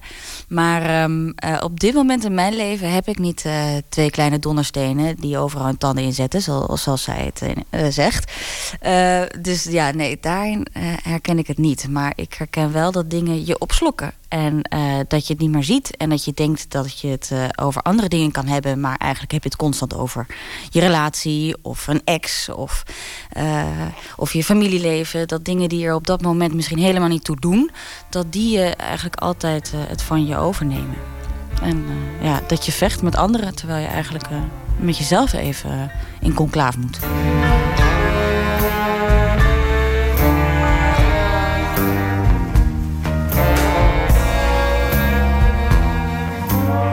Vind de waarheid wel een demon. En die ik wil eh, graag eh, het liefst dat we constant en altijd eh, de waarheid, eh, ja, dat we de waarheid communiceren, dat we de waarheid voelen, dat we, dat we in een sociale situatie overal dezelfde waarheid ervaren. Maar dat kan niet. Het ware eh, verstopt zich en eh, we kunnen niet de hele tijd het achterste van, ons tong, eh, van onze tong laten zien. Dat kan gewoon niet. Dat doen we niet. En, maar dat, dat wil ik eigenlijk wel. In welke relatie dan ook. En daar, daarin ben ik denk ik heel veel eisend. Maar ehm, en moet ik ja, echt schrikken, want dat kan gewoon niet.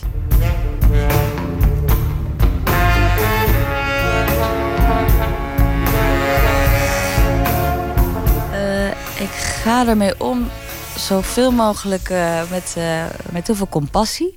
Zowel voor de ander als mezelf. En zoveel mogelijk geduld. Maar eh, ja, dat, dat verlies ik nog wel eens. Ik denk dat ik veel ruimte creëer in relaties voor waarheid. En ehm, een goede vriend van mij, die, die ik al heel lang ken, die leerde me al vroeg een motto wat ik wel mooi vind. En het is. hij, hij, hij zei. Eh, niet alles wat waar is, moet gezegd worden. Maar alles wat je zegt, moet wel waar zijn. En eh, ik eh, probeer dat eigenlijk ook aan te houden. En dat geeft me ook wel lucht.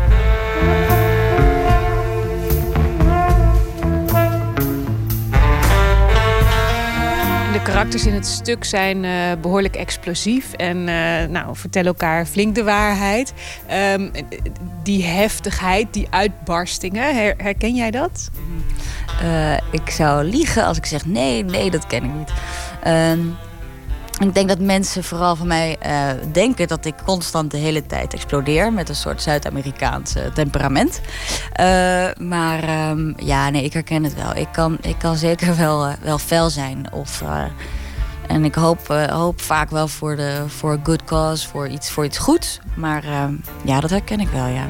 Ja, helaas. Ja, ik, ik, vermijd, ik vermijd geen conflicten. Maar, eh, ja. maar ook als, zelfs in de heftigste eh, eh, ruzies kan ik ook heel erg lachen. En, en opeens wel gewoon het inzien van ik zit fout of ik moet anders denken. Dus, dus ja, nee, ik denk dat het soms heel erg goed is. een beetje onweer.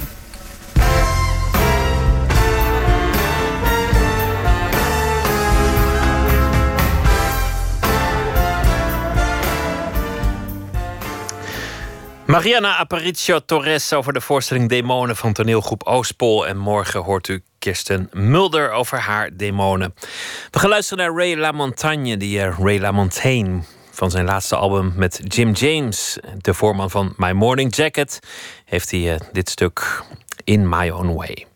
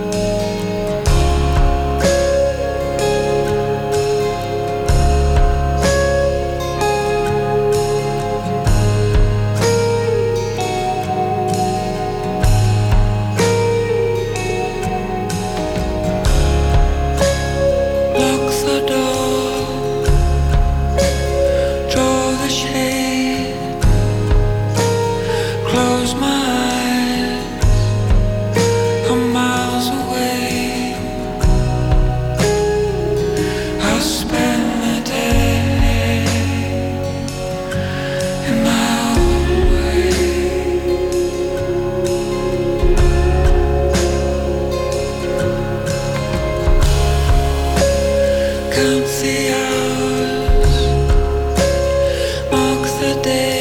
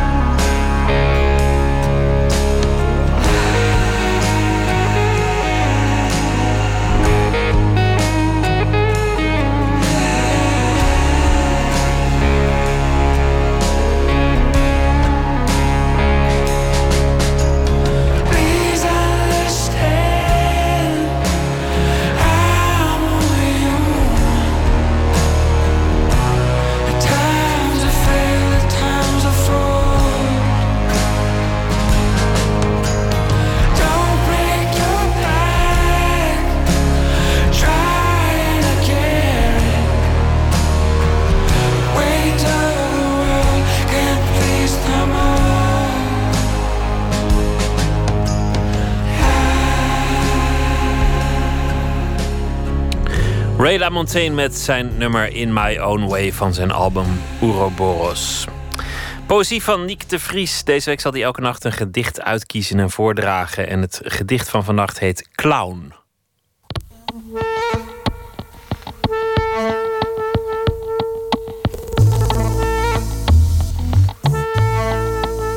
Clown. We zaten met z'n allen rond de grote tafel in een kantine en keken uit over het parkeerterrein dat langzaam verdween onder een grote witte sneeuwdeken. Intussen dronken we koffie en werden er grapjes gemaakt toen plotseling door de gang een half afgesminkte clown voorbij kwam lopen. Sam staarde de figuur verbaasd na en riep lachend: Zagen jullie dat?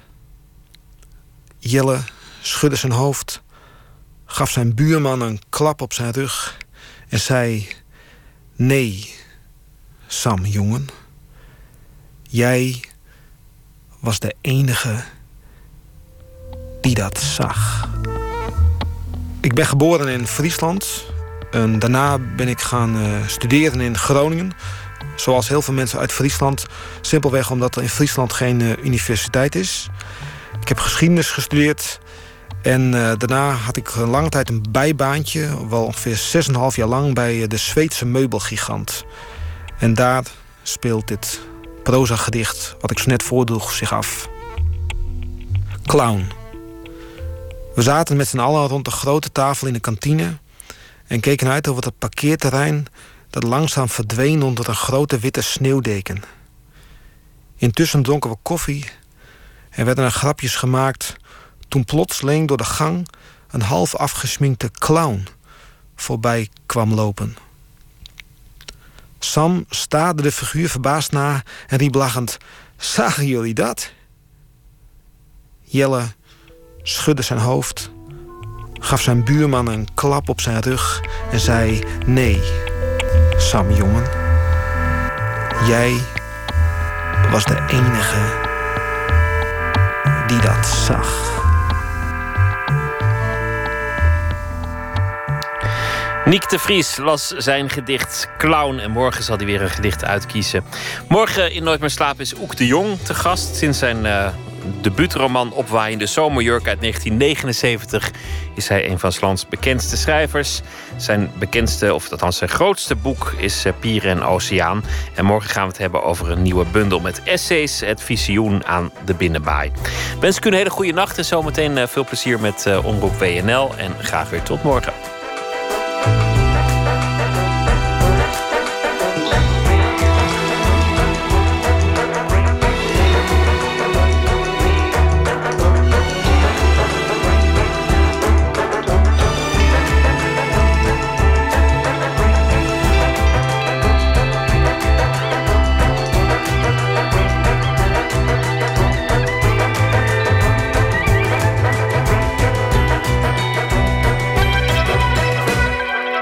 Radio 1, het nieuws van alle kanten.